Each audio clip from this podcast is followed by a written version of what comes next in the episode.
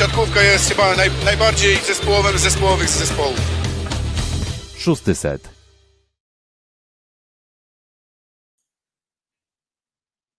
Czymże byłby program Szósty Set bez e, kwadransu studenckiego, akademickiego, spóźnieni, spóźnieni delikatnie, ale Mistrzostwa Europy już się rozpoczęły. My o tych Mistrzostwach Europy będziemy chcieli Wam dzisiaj opowiedzieć. Oczywiście skupimy się na naszych rywalach w fazie grupowej, na przewidywaniach co do tego, mm, gdzie kadra Grbicza zajdzie na Mistrzostwach Europy, e, ale nie oszczędzimy sobie również e, researchu i nie oszczędzimy sobie również przedstawienia sytuacji w innych grupach i postaci, na które e, warto zwrócić uwagę. Po raz pierwszy od memoriału Huberta Jerzego Wagnera wita się z Wami ze studia w Warszawie Piotr Słoch. Filip zaczął też od wyciszenia, więc musisz. Jestem wyciszony, ale już się. Tak, już się z Wami witam. Filip Gorfanty ze studia w Rzeszowie. Cześć. I ze studia w Warszawie Kuba Lewandowski. Cześć. Bardzo się cieszymy, że wytrwaliście z nami przez, ten, e, przez tę chwilkę spóźnienia, ale mamy nadzieję, że udamy, uda nam się odkupić nasze winy e, tym, że po prostu przedstawimy się z najlepszej, e, najlepszej możliwej strony. Zanim przejdziemy do Mistrzostw Europy jako takich, to myślę, że możemy zacząć od reprezentacji Polski i od powołanego przez Nikoli Grbicza e, składu. Zastanawialiśmy się, czterech środkowych, pięciu przyjmujących, dwóch libero, czy może jeden libero, może jeden atakujący, czy Kaczmarek jest zdrowy, czy Kurek jest zdrowy, czy wszyscy są w formie odpowiedniej do tego, żeby wystąpić na Mistrzostwach Europy. I finalnie decyzja zapadła, i ta decyzja zapadła z praktycznie taka jak na finale Ligi Narodów, tylko że wtedy e, wypadł ze składu czwarty środkowy, którym wtedy był Karol Kłos. Teraz tym czwartym środkowym jest Mateusz Poręba i to on e, wypadł ze składu, więc mamy trzech środkowych, pięciu przyjmujących, więc Grbicz oszczędza sobie kontrowersji e, związanych z odstrzeleniem jednego z przyjmujących. E, dwóch rozgrywających e, i dwóch atakujących. Czy to jakiekolwiek zaskoczenie? Jest to zaskoczenie o tyle, że sądziłem, że nie da się zrobić rotacji w składzie pomiędzy poszczególnymi etapami turnieju Mistrzostw Europy. Natomiast z tego, co wynika z przekazów medialnych, jest tak, że czwarty środkowy teoretycznie, który nie jest zgłoszony do rozgrywek, czyli Mateusz Poręba, udaje się z naszą kadrą podróż właśnie na Mistrzostwa Europy, a sam Nikola Grbić mówi, że dość dokładnie starał się sprawdzić przepisy i nie ma tam zapisu, który w późniejszej którejś fazie nie pozwoliłby mu na wypadek jakiejś kontuzji dokonać korekty w tym składzie, który został zgłoszony, więc jeśli jest to możliwe, to już taki zdziwiony nie jestem. Zastanawialiśmy się, Piotrek, w czasie memoriału Wagnera, czy jest taka możliwość, że ktoś dodatkowo pojedzie, że będzie dodatkowe miejsce w hotelu, taka logistyka dla dodatkowej osoby. To też podkreślał wczoraj trener Gbić w wywiadzie, że udało się wraz ze związkiem załatwić, co powoduje, że wydaje się, że ta opcja, która została wybrana, nie ma yy, wad, bo mamy najsilniejszą czternastkę w tej chwili ze zdrowych graczy, którzy byli na zgrupowaniu i rozwiązanie awaryjne, gdyby odpukać coś wydarzyło się środkowym w tym nadmiarze spotkań, bo liczymy na 9 spotkań w tym turnieju. Mm, tak pół żartem, pół serio opowiadaliśmy o tym, że być może trzeba będzie na szybko jakieś Airbnb czy booking.com organizować e, temu naszemu 15 zawodnikowi, no ale mam nadzieję, że, że Mateusz Poręba będzie normalnie funkcjonował w grupie. Um, czy ogłaszaliśmy w social mediach, że będzie ten live Arwena 165? Tak, ogłaszaliśmy. Ogłaszaliśmy na Facebooku, ogłaszaliśmy na Twitterze, więc może akurat e, zasięgi nie były, nie były takie, jakie, mm, jakie chcieliśmy, żeby były, żeby dotarło to do wszystkich zainteresowanych. No ale cieszymy się, że już z nami e, że już z nami jesteś. Więc decyzja niespecjalnie zaskakująca. Zastanawialiśmy się, czy Semeniuk, to ciągłe budowanie Semeniuka. Macie takie poczucie, że Grbicz trochę tak z premedytacją oszczędza sobie tej kontrowersji? E, z wyborem jednego z tych zawodników z pięciu przyjmujących z bardzo mocno obsadzonej pozycji przyjmującego, żeby przypadkiem nie było no, tego polskiego piekiełka, które no, potrafi się objawić właśnie w sytuacji, gdy trener musi podjąć jakąś kontrowersyjną decyzję. Mm, nawiążę tutaj do wywiadu z Aleksandrem Śliwką, który nagraliśmy w Krakowie podczas właśnie memoriału Wagnera, który możecie odsłuchać na naszym kanale na YouTubie i tam właśnie Aleksander powiedział na temat tego, czy hipotetycznie Nikola Grbicz kupił sobie trochę spokoju, wygrywając w Gdańsku Ligę Narodów, bo to było pierwsze złoto Polaków od 2018 roku.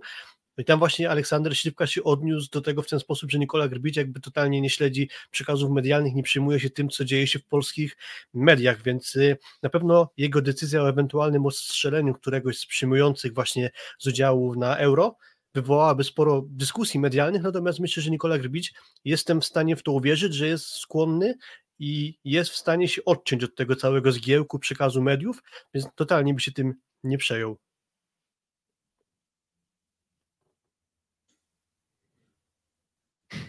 Mm, no więc y, jeżeli Grbicz się nie przejmuje, to tak naprawdę e, wybrał, jeżeli tak, jeżeli tak e, Filip uważasz, no to na pewno wybrał to tylko i wyłącznie ze względu na, e, no, na, na bardziej efektywne rozwiązanie na ten moment. Jeżeli Mateusz Poręba, to znaczy tak, chyba nie ma wielkiego zaskoczenia w tym, że jeżeli, wybierze, jeżeli mielibyśmy wybrać jednego zawodnika, który najbardziej odstaje od tej reprezentacji, jeśli chodzi o mm, osiągnięcia sportowe, taki maksymalny poziom sportowy, bo tam ktoś mógłby wskazywać, że Kamil Semeniuk odstaje od reszty naszych przyjmujących przez to, jak się prezentował w meczach w tym sezonie kadrowym, no to właśnie Mateusz Poręba byłby pewnie takim środkowym i nie ma tutaj e, żadnej kontrowersji. Więc taki skład wybrał e, Nikola Grbicz e, i wybrał taki skład na Mistrzostwa Europy. I zanim jeszcze przejdziemy do reprezentacji Polski i do omówienia naszych rywali grupowych, to coś, co trochę każe mi się zawsze zastanowić, to bardzo często mówi się o tych Mistrzostwach Europy rozszerzonych, bo tych drużyn jest 24, a nawet ten mecz, który teraz się toczy, czyli dzisiejszy drugi mecz turnieju Grecja-Izrael, to jeszcze o ile Grecja, Grecja tradycje siatkarskie oczywiście ma bardzo duże, tak na przykład już sam Izrael wydaje się być zaskakującą, zaskakującą drużyną, taką, której intuicyjnie nie wyczuwalibyśmy, że powinna się na takich mistrzostwach pojawić. No to co wy sądzicie o 24 drużynach i no właśnie, co wy sądzicie o 24 drużynach na Mistrzostwach Europy? 24 drużyny to nie wszystko, bo jeszcze od 2019 roku formuła jest taka, że gospodarzami są cztery kraje i gdyby chociażby nie to, że właśnie Izrael jest jednym z tych gospodarzy imprezy, to tej drużyny bardzo prawdopodobne, że w Mistrzostwach Europy byśmy nie zauważyli. To dotyczyłoby też zespołów jak przykładowo Dania na przykład, która ok, teraz nie jest gospodarzem, ale jej szansa kwalifikacji przy 16 zespołach w turnieju finałowym jest względnie niewielka, biorąc pod uwagę też to, że budżety krajów nie pozwalają czasami występować w danych rozgrywkach, to rodzi się sytuacja, że tak naprawdę niektóre reprezentacje z tych niższych półek de facto nie miałyby żadnego kontaktu z drużynami z europejskiego topu i właśnie to, że na przykład Izrael, to, że Macedonia, Czarnogóra, Dania chociażby grają w tych mistrzostwach Europy, to pozwala im na kontakt ze światową czy z europejską tak naprawdę czołówką poznania, jak smakuje właśnie gra na najwyższym europejskim poziomie. I to też jest czynnik, który wpływa na to, że na przykład taki Izrael jako gospodarz gra w Mistrzostwach Europy. Nie grali od roku bodajże 71 jak kojarzę wywiad z Grzegorzem Rysiem z 2018 roku, wtedy Izrael się nie zakwalifikował, no to to, że Izrael gra w Mistrzostwach Europy i pewnie w wielu krajach też to tak wygląda, stanowi zastrzyk gotówki dla federacji danego kraju.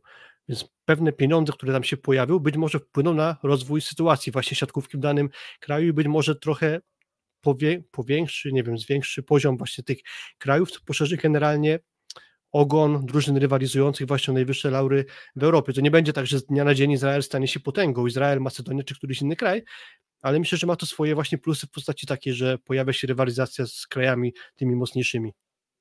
Kolejna kwestia. Y, nie ma takich klasycznych eliminacji do Mistrzostw Europy, jakie są chociażby w piłce nożnej, tak? Czyli tu nie ma takiej sytuacji, że te kadry Macedonii, Danii, Izraela mają możliwość zagrać z nami na przykład, tak? I teraz znowu ograniczamy trochę know-how, nie ma dopływu możliwości obejrzenia najlepszych zawodników, więc skąd ma powstać zainteresowanie powszechniejsze tym sportem? Więc to błędne koło się zamyka. Rozszerzając się, oczywiście ryzykujemy pewnie średnim poziomem fazy zasadniczej, bo tak może być. Natomiast no, próbujemy otwierać nowe rynki. Moim zdaniem nie da się tego tortu sportowo-finansowego w siatkówce poszerzyć bez otwarcia częściowo na nowe rynki. Takim krokiem są te mistrzostwa. I myślę, że to jest krok pozytywny, no bo innej drogi wydaje się, że nie ma po prostu, stąd to rozszerzenie powinno mieć miejsce. No i te cztery drużyny, które prowadzą e, jako gospodarze ten turniej, to też jest, mówię, okazja dla Izraelczyków, żeby zobaczyć Francuzów, Słychać było wczoraj, że długo byli witani yy, mistrzowie olimpijscy. To jest szansa dla Macedończyków zobaczyć nas w pięciu spotkaniach fazy grupowej. To jest szansa również dla yy, czwartym gospodarzem, powiedzcie mi, jest, proszę, Bułgaria. Estonia. Bułgaria, Nie. tak? No to Bułgaria, okej, oczywiście u kobiet jest Estonia, przepraszam.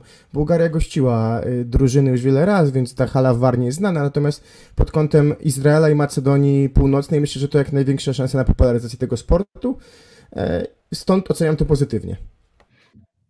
Też czytałem o współpracy chociażby Macedońskiej Federacji z Ministerstwem Turystyki e, i czymś w rodzaju właśnie jako odpowiednik tego e, macedońskiego właśnie, czyli oprócz tego, że pojawia się siatkówka w danym kraju, to jeszcze jest to okazja do popularyzacji właśnie danego regionu Europy, jak w tym przypadku na przykład właśnie Macedonii. Sam jestem ciekaw, jak będą wyglądać też e, hale, e, w których będą rozgrywane mecze i pod kątem frekwencji wśród lokalsów turystyczny się e, pojawi. Jakieś delikatne problemy mam z prędkością mojego połączenia, ale mam nadzieję, że, że w miarę wszystko na bieżąco, na bieżąco, na bieżąco słychać. Tak jak Filip powiedziałeś, problemem dla wielu drużyn jest w tym momencie to, że siatkówka stała się takim moim zdaniem klubem troszeczkę zbyt elitarnym do czego zresztą w sumie sama Liga Narodów się dość mocno przyczynia, dlatego że mówimy w zasadzie teraz o 16 drużynach, jeżeli dobrze pamiętam, z czego w zasadzie nawet te drużyny, które mogą uczestniczyć w um, Challenger Cup, czyli tym, który w ogóle daje możliwość startu, to jest pula jednak y, zespołów dość ograniczona. Oczywiście ktoś może powiedzieć, że to są drużyny, które wygrały sobie szansę uczestniczenia w takim turnieju, na przykład w turnieju takim jak Złota Liga Europejska, ale wiemy, że nawet ja, przygotowując się do naszego nagrania, e, sprawdziłem, czy Grecja występowała w, jak sobie radziła i który z zawodników prezentował się dobrze z Grecji w tej lidze europejskiej. I szukam ich w złotej, mówię, kurczę, no to jest ich poziom, no to powinni być tej złotej lidze europejskiej, nie ma ich. Mówię, srebrna nie sądzę, bo tam już grają naprawdę zupełne ananasy i też nie.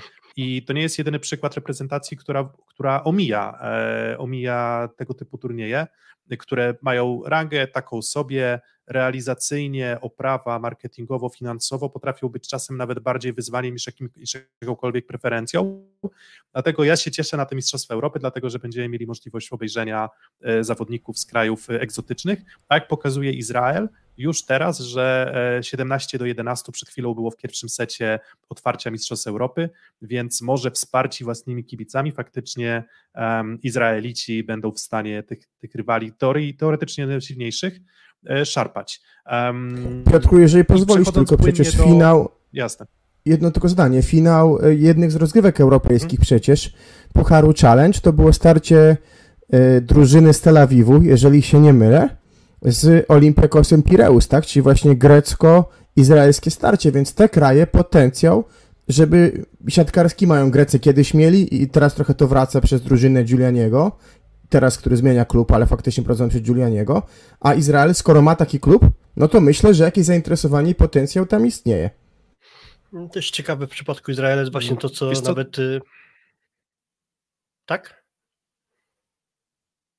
Nie, nie, nie, kontynuuj Filip, jak już zacząłeś mówić, A, okay, to, bo, to, leci. Okej, okay, bo myślałem, że chcesz y, zmienić wątek lub wtrącić swoją kwestię, więc tylko dokończę to, co ja chciałem powiedzieć a propos Izraela. Jest to drużyna, która chyba, jeśli nie liczyłem tego tak super dokładnie, ale to jest jedna z drużyn, które mają najniższą średnią wieku w ogóle w stawce całej właśnie mm, ekipy finalistów Mistrzostw Europy. I co jest też ciekawe, to tam kilka lat temu, jak wspominałem, pracował jako selekcjoner Grzegorz Ryż, ale też pełnił znacznie szerszą rolę, nie tylko selekcjonera reprezentacji, ale też starał się rozplanować cały system szkolenia młodzieży w Izraelu, trochę na wzór właśnie tego, co dzieje się w Polsce i on mówił, że to, co po nim zostanie w Izraelu, jak skończy swoją pracę, właśnie wielu młodych graczy, którzy w przyszłości będą stanowić o sile tej reprezentacji. Właśnie teraz chyba się o tym przekonujemy, bo minęło 5 lat, odkąd, e, niespełna 5 lat, odkąd Grzegorz Ryś skończył pracę w Izraelu i właśnie wielu młodych graczy rzeczywiście w tej reprezentacji występuje, więc może jeszcze kwestia kilku lat i Izrael trochę szerzej do jakiejś czołówki europejskiej nam będzie w stanie zawitać. Przy czym to, że oni w tym turnieju w ogóle występują, to już może wracając tylko się do korzeni tego turnieju pierwotnie zamiast Izraela gospodarzem miała być Ukraina, ale z wiadomych względów gospodarza zmieniono i wybrano właśnie Izrael i też jest kwestia tutaj do wrzucenia, że mało brakowało, a Izrael by się z tego turnieju w ogóle rozmyślił, brakowało tam trochę pieniędzy, żeby podjąć się organizacji. Nawet Europejska Federacja Siatkówki zdecydowała się na zastrzyk finansowy, żeby tylko te mistrzostwa mogły tam się odbyć. Około miliona euro wpompowano właśnie na konto Izraela, aby ten turniej, który teraz już się tam zaczął, mógł się odbyć. Mm, I myślę, że to będzie fantastyczne okno wystawowe dla wielu zawodników, którzy normalnie są poza obiegiem e, siatkówki europejskiej na najwyższym poziomie. Mm, przypomina mi się historia Castaniedy z Meksyku, z zeszłorocznych e, Mistrzostwach Świata. E, zdecydowanie wyróżniający się zawodnik, zawodnik, który przecież też poprowadził e, Meksyk do zwycięstwa nad Bułgarią wtedy w fazie grupowej, zdobywając tam tych punktów 20 czy 30, atakując naprawdę wiele razy. No i każdy, znaczy każdy, no, może nie każdy, ale ja się akurat zastanawiałem nad tym, kiedy on trafi do Europy. I, I faktycznie jest tak, że wydaje mi się, że od przyszłego sezonu będzie grał jeżeli dobrze kojarzę, w Belgii. Więc dla wielu zawodników, e, no, jakby intuicyjnie nie wydaje ci się, że Izrael może być miejscem, w którym będziesz grał do, w siatkówkę. A e, Wspomniany... paradoksalnie pierwszy set. Piotrek, wspomniany przez ciebie właśnie atakujący Meksyku Diego González Castañeda zagra w Knaku Rozelary, czyli w Belgii, dobrze powiedziałeś. Dokładnie, więc Dokładnie, więc nie, nie mówimy o drużynie przypadkowej, e, tylko też mówimy o drużynie, która coś znaczy na, na parkietach europejskich, więc, więc mam nadzieję, że będzie część zawodników, którzy też wykorzystają swoją szansę. I, no i dla takich frików siatkarskich jest to na pewno rarytas, żeby obejrzeć nie znowu starcie e, Leona z Kleveno, czy, czy, czy, czy Gianelliego z Kurkiem, e, czy czy w zasadzie dowolne zestawienie, jakie sobie wymyślimy z tych, tych zawodników z drużyn najlepszych, tylko też spojrzenie na te drużyny e, ciut słabsze. A to w drugą stronę, to takie mecze może one nie będą miały dużej wartości dla dla, dla drużyn, e, które będą grały z tymi drużynami, dla faworytów, którzy będą grali z drużynami słabszymi, ale nie macie obaw o rozwodnienie poziomu sportowego, bo w sensie jak mam na szali do położenia popularyzacja siatkówki albo rozwodnienie poziomu, to ja myślę, że te dodatkowe kilka spotkań e, mi osobiście, nie, mnie osobiście nie razi i nie widzę tego jako duży problem. No ale zobacz, co by się wydarzyło? By, do, byłoby 8 drużyn mniej, czyli dwa spotkania w grupie mniej, ok? I potem ćwierćfinał, czyli tych spotkań drużyny by zagrały 3 mniej. Czy ta szesnastka byłaby stricte elitarna? Myślę, że dojdą, e, wyjdą z grup zespoły też uważane powszechnie za nie bardzo elitarne, więc y, jeżeli mielibyśmy się ograniczyć do elitarności tych rozgrywek i do zespołów, które faktycznie prezentują taki poziom, który zapewniałby dość równe mecze, to mielibyśmy co? Powtórkę memoriału Wagnera? Może cztery drużyny więcej, więc wydaje mi się, że i przy opcji 16 i przy opcji 24 drużyn ma, możemy liczyć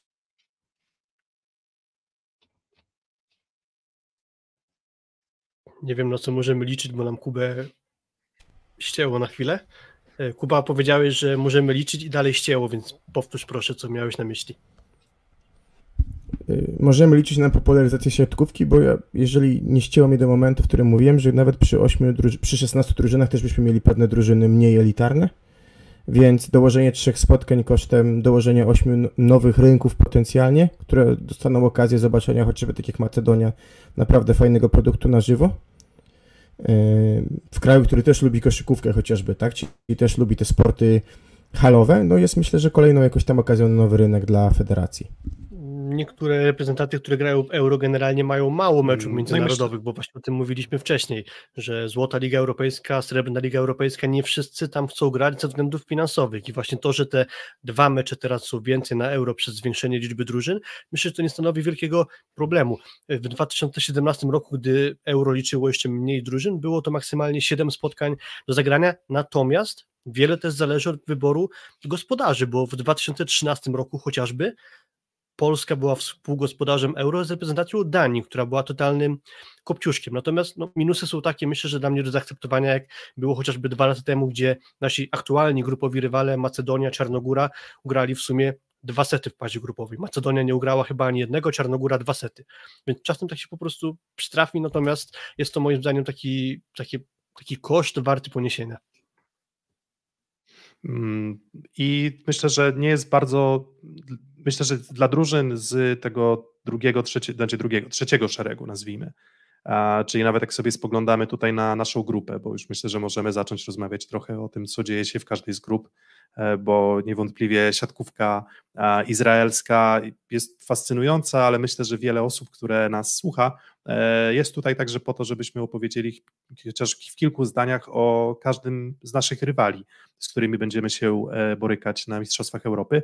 No i nawiązując trochę do tego wątku, Dania, Czarnogóra lub Macedonia Północna, jedna z tych trzech drużyn zagra, w, wyjdzie z grupy i będzie miała okazję zagrać w mm, jednej ósmej z drużyną, e, no już naprawdę na wysokim poziomie, no, z którymś ze zwycięzcą E, ze zwycięzcą grup. Nasza grupa się chyba krzyżuje z włoską, więc taka nagroda dla tych drużyn bez wątpienia byłaby, żeby, mm, żeby to nawet o czwarte miejsce zająć i myślę, że nie możemy skreślać, e, skreślać każdej z tych drużyn, podobnie Izrael, Rumunia albo Portugalia, no, która z tych trzech drużyn wyjdzie z grupy, więc z punktu widzenia takiego prestiżowego, bycie w czołowej 16 Europy na pewno jest, e, jest czymś istotnym i i nawet taki jeden mecz y, grany z rywalem na wysokim poziomie może trochę obudzić takich emocji siatkarskich w e, narodach różnych, nie tylko, nie tylko w Polsce, ale i, i myślę, że w całej, w całej Europie. No i spoglądamy sobie na tę grupę i, i komentarz tutaj Rafała Tomkowiaka był, bo nie umknął mi, czy nie macie wrażenia, że ta nasza faza grupowa to będzie coś jak memoriał Wagnera, ale nie ten tegoroczny, ale ten, który odbył się z Norwegią, Azerbejdżanem i Gruzją chyba, tak? Dobrze kojarzę? Norwegia, Azerbejdżan i Gruzja? E, z Egiptem Egipt. bodajże. Tak, Norwegia, Azerbejdżan i Egipt. I, no i myślę, że nie aż tak bardzo, bo tak sobie myślę o Azerbejdżanie, chociaż w sumie Egipt to może, nie wiem, tak oczywiście tutaj bardzo trudno jest kalibrować, ale Egipt może jest faktycznie drużyną na poziomie Danii, Czarnogóry czy Macedonii, no ale Norwegia, myślę, i Azerbejdżan są zdecydowanie słabsze. No i patrzycie na tę grupę, no i w teorii chyba nasuwają się myśli, że strata punktów byłaby tutaj jakimś tam zaskoczeniem. Według mnie, patrząc na tę stawkę i trzy pozostałe grupy, to Polacy znaleźli się w grupie najsłabszej ze całej tej stawki, bo pewnie będziemy omawiać pozostałe grupy, to pewnie sami się też przekonacie, że e, tutaj chyba potencjalnie właśnie może być najmniej jakichś e, wyrównanych spotkań. Myślę, że góruje nad ekipą Danii większość z tych rywali, czysto hipotetycznie, aczkolwiek po cichu liczę, że jakąś niespodziankę Duńczycy sprawił przeciwko czy to Macedonii, czy Czarnogórze, natomiast nie wyobrażam sobie, że mogłaby być inna pierwsza trójka niż Polska i Czechy lub Holandia, czyli Polacy wygrają grupę, następnie Czesi lub Holendrzy na drugim, odpowiednio trzecim miejscu. Właśnie trzy ostatnie ekipy to prawdopodobnie będzie Dania, Czarnogóra i Macedonia. I krótko mówiąc, to jest dla mnie najsłabsza po prostu grupa. No ja sobie nie wyobrażam sytuacji w ogóle, w której nie ma kolejności Polska, Holandia, Czechy i dalej zobaczymy, no bo Holendrzy wraz z trenerem Piazzą wykonują bardzo dobrą pracę. Byli blisko wejścia do top 8 e, VNL po raz drugi, więc bazując jakby na tym są drużyną na poziomie, nie wiem, 10-12 na świecie. E, rok temu na naszym mundialu dobrze wyglądali w grupie. Mówiliśmy może ćwierćfinał, a potem przyszedł ogromny dołek i bardzo kompromitująca wręcz porażka z Ukrainą. Natomiast Holandia potrafiła nam nawet jakieś tam problemy sprawić u siebie w Rotterdamie w Narodów. Pamiętacie, tak? 2 do 1 prowadzili, musiał wejść Wilfredo Leon, który e, pomógł ten mecz wygrać swoim bardzo dobrym występem. Więc wydaje mi się, że mecz z Holandią to będzie fajne przetarcie e, przed kolejnymi fazami, bo wydaje mi się, że do, do ćwierćfinału będzie nasz najtrudniejszy mecz. Natomiast zaczynamy meczem z Czechami, Czechami, którzy Piotrek przypominają trochę GKS Katowice, nie wiem, jeżeli chodzi o poziom, taką drużynę, która miałaby gdzieś w Polsce e, oscylowała na granicy playoff? Wiesz co, no to tak, bo to jest w ogóle też ciekawa zabawa, gdzie dana drużyna wylądowałaby w tabeli, e, w tabeli plus ligi, właśnie to, co zaproponowałeś. E, I, no i z Czechami, jakby się zastanowić, to tak, to mm, ciekawy pakiet na ataku, bo, bo Jan Hadrawa, który też wrócił, wrócił do kadry po tam nie wiem, wydaje mi się, że nie był od początku zgrupowania, ale na Mistrzostwa Europy dołączył. Um, Szotola, jeśli dobrze, dobrze pamiętam, czyli jego partner na ataku, czyli dwójka atakujących z Sztola, który dał się we znaki na przykład Alur, Aluronowi CMC warcie zawiercie w, w Lidze Mistrzów, więc, więc na ataku obstawa super. E, ciekawa postać na pewno donowana Javonoroka, chociaż też mam trochę takie uczucie, że mm, nie wiem, czy chyba, czy, czy, czy, czy, czy hype na niego nie był dużo większy, bo on bardzo wcześnie wszedł w seniorską siatkówkę, rozpoczynał w wieku 16 lat, mija kilka lat i, i, i nie mam takiego poczucia, że to jest zawodnik, który nawet w lidze włoskiej osiągnął aż tak dużo, jak się spodziewano, ale cały czas jest graczem, który w tej lidze włoskiej gra regularnie i gra dość dużo i na pewno z bardzo mocnymi, mocnymi atutami. I to już są takie elementy dwa, czyli jeden atakujący i dobry skrzydłowy, który moim zdaniem na tle tej grupy, no to to drugie, trzecie miejsce powinny dać. Mm, no i też ci Czesi, zresztą warto wspomnieć poprzedni Eurowolej, a, czyli wyeliminowali wtedy reprezentację Francji. I ale grali u siebie.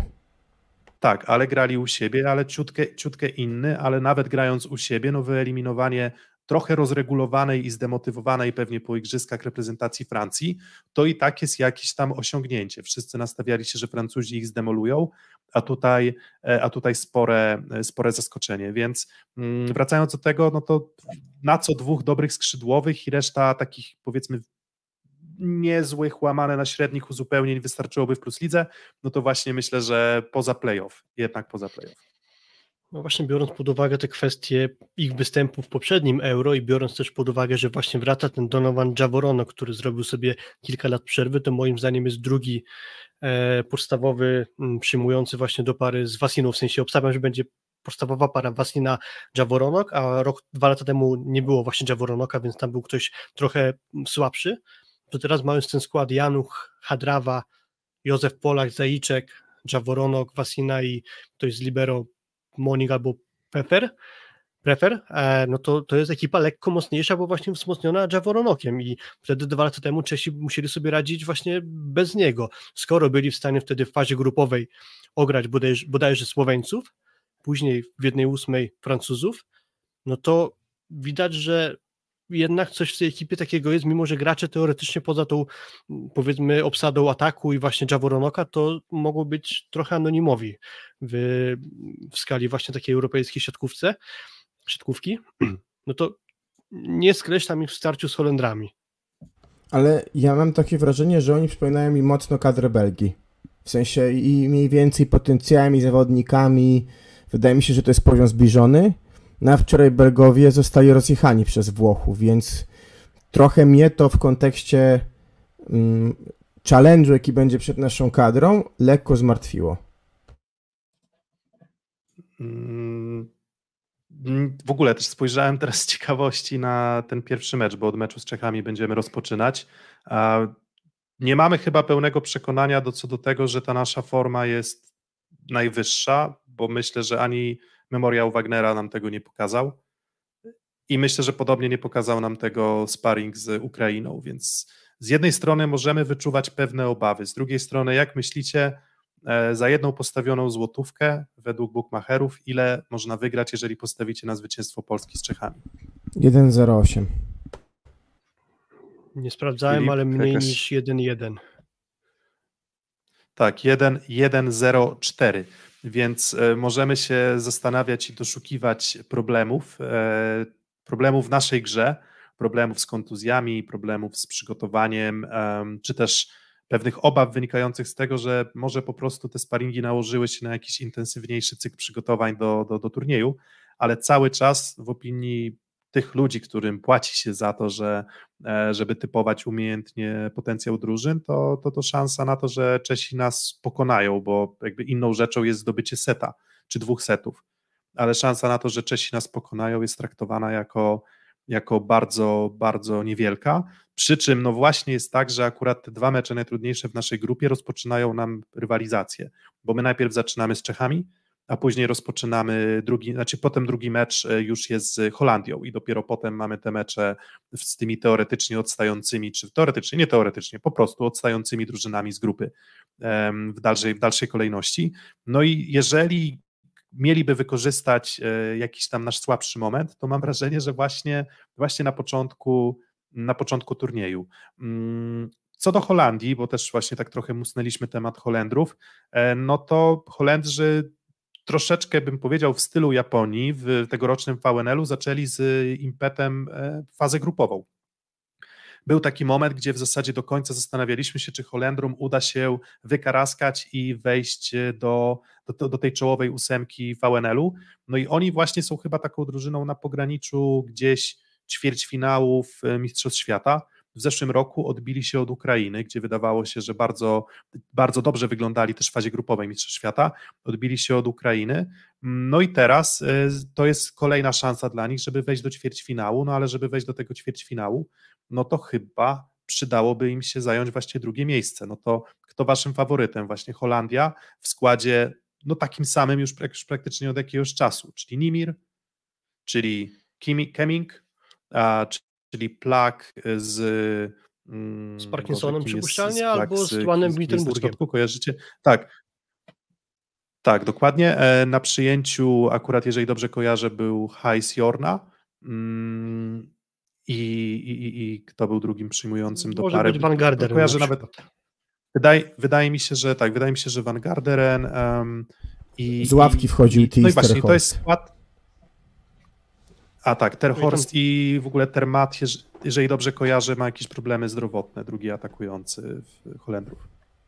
No, zgadza się, jest Nimir i właśnie do pary z nim Termat, który właśnie od niedawna borykał się z jakąś kontuzją, więc no tak czy tak to byłby rezerwowy, więc numer jeden tam będzie zdecydowanie Nimir i na libero kojarzony z Plus bardzo dobrze Robert Andringa. Ale mm, to już no jest to drużyna. Jasne, Kuba. Nie, to jest po prostu drużyna, która już myślę, że playoff by zrobiła, Piotrek, dlatego jakby chciałem tu do ciebie odbić piłkę dalej w ramach tej gry, bo, bo wydaje się, że, że no abstrahując od tego, że jest Nimir, czyli no i absolutna gwiazda i wydaje się, że top 5, top 7 atakujących świata, no to reszta zawodników to są zawodnicy albo klubów y, gdzieś tam Serie A, walczących gdzieś mniej więcej o playoff właśnie, no albo rezerwowi, albo y, z tureckich klubów, no albo tak jak przypadek Andringi czy, czy Wittenburga, no to y, albo podstawowy, albo rezerwowy zawodnik też topowych klubów plus ligi. Mm, wiesz co, a ja mimo, znaczy cały czas mam pewne wątpliwości, um, bo jak sobie pomyślę, nawet dajmy na to, porównajmy sobie ósmą drużynę zeszłego sezonu, a, czyli mamy Indykpola ZS Olsztyn. E, I tak, no i masz Tuanigę, Evrila, Putryna, Karlicka, Porębę. Andringę, Hawryluka i no i, Poręba no, i, no i tak, no to chyba już i Poręba, tak, i Poręba oczywiście siódmy. No tak sobie pomyślisz, ok, no to Nimir, no to wiadomo, klasa sama w sobie, ale dalej już jak sobie pomyślisz na zestawienie na przyjęciu Karlice Kandringa versus, nie wiem, Van Harderen czy Jorna, no to już tak zaczynasz mieć wątpliwości. Rozgrywający, no to wydaje się, że Tuaniga jest lepszym rozgrywającym, nawet nie tyle się wydaje, a pewnie jest od, od Keminka. E, wiadomo, Hawryluk teraz jest, e, powiedzmy, rywalizuje z Andringą, Andringa na bierze na klatę to, że musi grać na libero, chociaż chyba e, w barwach reprezentacji Holandii, chociaż chyba bardzo mu to nie, e, nie pasuje. No i Plak jest gorszy od Evrila, chociaż wiadomo, że to zestawienie, no i Poręba myślę, że jest lepszy albo porównywalny co ci średniacy, więc tak myślę, że na pograniczu, no i myślę, że stawiałbym Holendrów jednak ciutkę na wyżej nad Czechami z oczywistych względów, oni też są ograni, oni mają możliwość zbierania doświadczeń na tym najwyższym poziomie, natomiast też mam takie pewne wątpliwości, czy, e, czy, czy te drużyny weszłyby do playoffów, no i no jeżeli sobie uzmysłowimy, że to są drużyny, które stawiamy gdzieś tam na pograniczu albo poza playoffami, no to wydaje się, że drużyna, reprezentacja Polski, zakładając, że jest na poziomie mistrza Polski, no to wiemy, jak kończą się takie mecze w playoffach. I wiemy, jak wyglądał mecz pierwszej Asekoresowi na przykład z, ze Stalą Nysa, czyli tam była zupełna, e, zupełna demolka, jeśli chodzi o ćwierćfinał plus ligi. Natomiast to są drużyny takie bardziej nam znane. Natomiast co my jesteśmy w stanie powiedzieć o Czarnogórze, Macedonii Północnej i Danii? Sprawdziłem sobie ich właśnie występy przed dwoma laty, żeby móc tak naprawdę cokolwiek powiedzieć. No i to, co właśnie sobie przypomniałem, no to, że Macedonia wygrała wtedy zero setów, a Czarnogóra wygrała dwa sety przez całą fazę grupową, więc to tak naprawdę było tło dla pozostałych ekip z tamtych grup.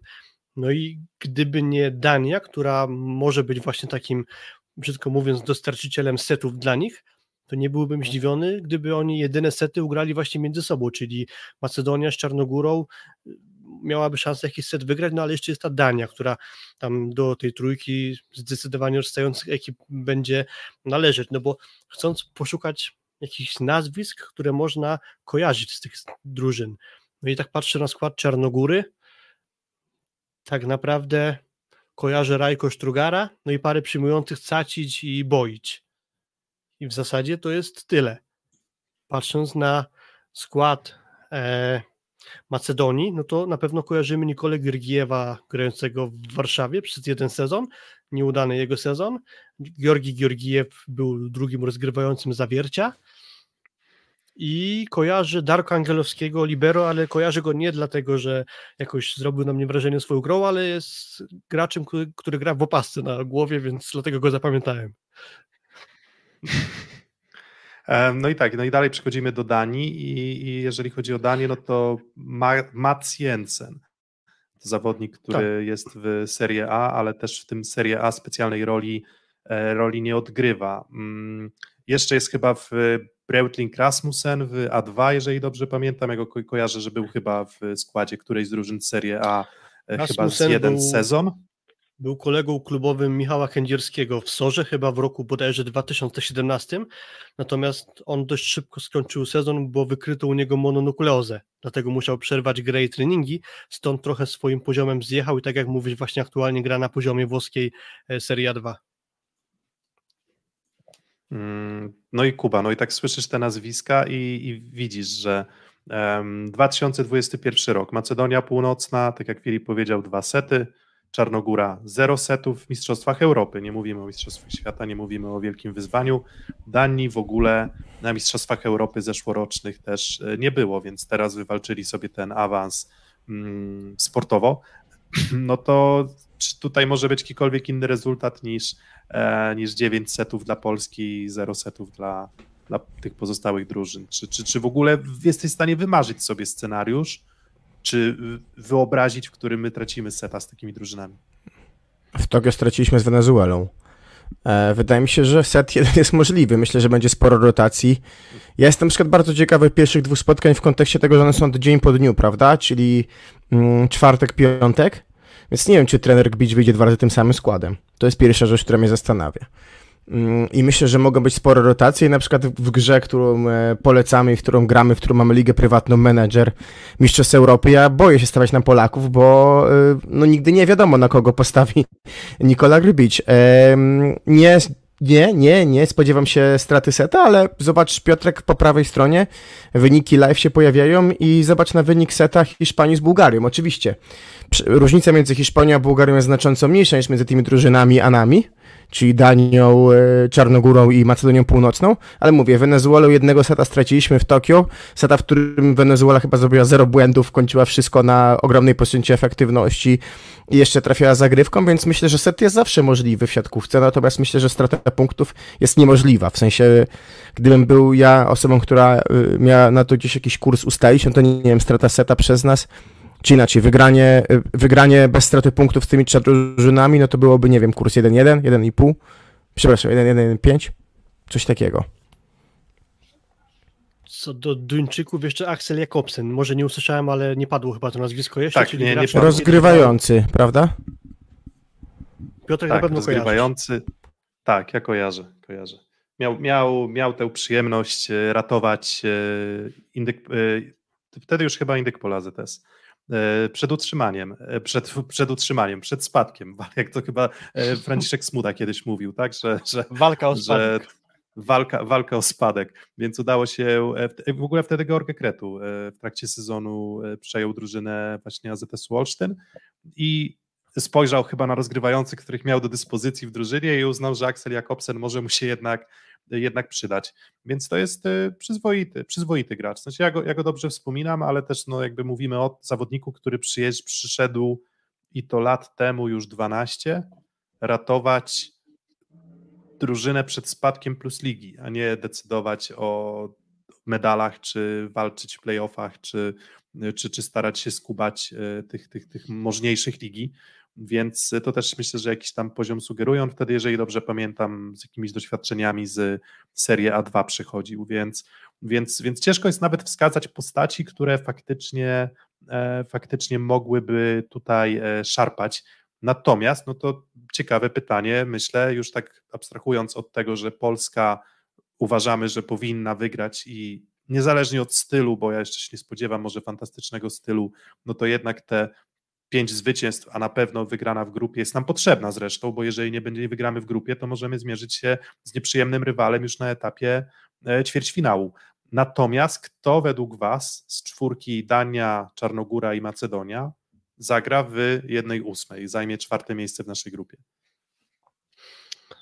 Zakładając, że zdrowi w formie sensownej są Cacić i Boić, to może być para dająca już wystarczającą jakość czarnogórcom, żeby zająć czwartą lokatę w grupie, więc ja tutaj postawię na Czarnogórę z racji, że najbardziej logicznie mi się to wydaje, natomiast biorąc całą tę sytuację właśnie dla nas niewielkie liczby nazwisk, które cokolwiek mówią, no to któraś ekipa właśnie na przykład Danii może zaskoczyć. Y, skoro o nazwiskach niewiele, no to pozwolę sobie wtrącić ciekawostkę. Mówiłem przedtem, że podwaliny pod system szkolenia Izraela mm, stawiał Grzegorz Ryś, z kolei też inny Polak, Dominik Żmuda, pracuje od niedawna w Danii, w jednym z klubów duńskich i też z jednym z tamtejszych trenerów zaczyna współtworzyć system szkolenia właśnie w Danii. Mówi o tym, że siatkówka w Danii się bardzo rozwija i kilku z młodych graczy, chociażby jeden z ich atakujących, wyjechał do VB Friedrichshafen i jeszcze kilka jest nazwisk, które on wskazuje, że mogłoby sobie poradzić w takiej średniej lidze europejskiej, więc to pozwala sądzić, że może nazwiska dla nas jeszcze anonimowe, poza tą wspomnianą tak naprawdę trójką Jakobsen, e, Jensen i, i, i, i to może będzie ekipa, która jednak tę niespodziankę na tle słabej Czarnogóry, słabej Macedonii sprawi, więc y, logika podpowiada Czarnogóra, a serce podpowiada Żyduńczycy.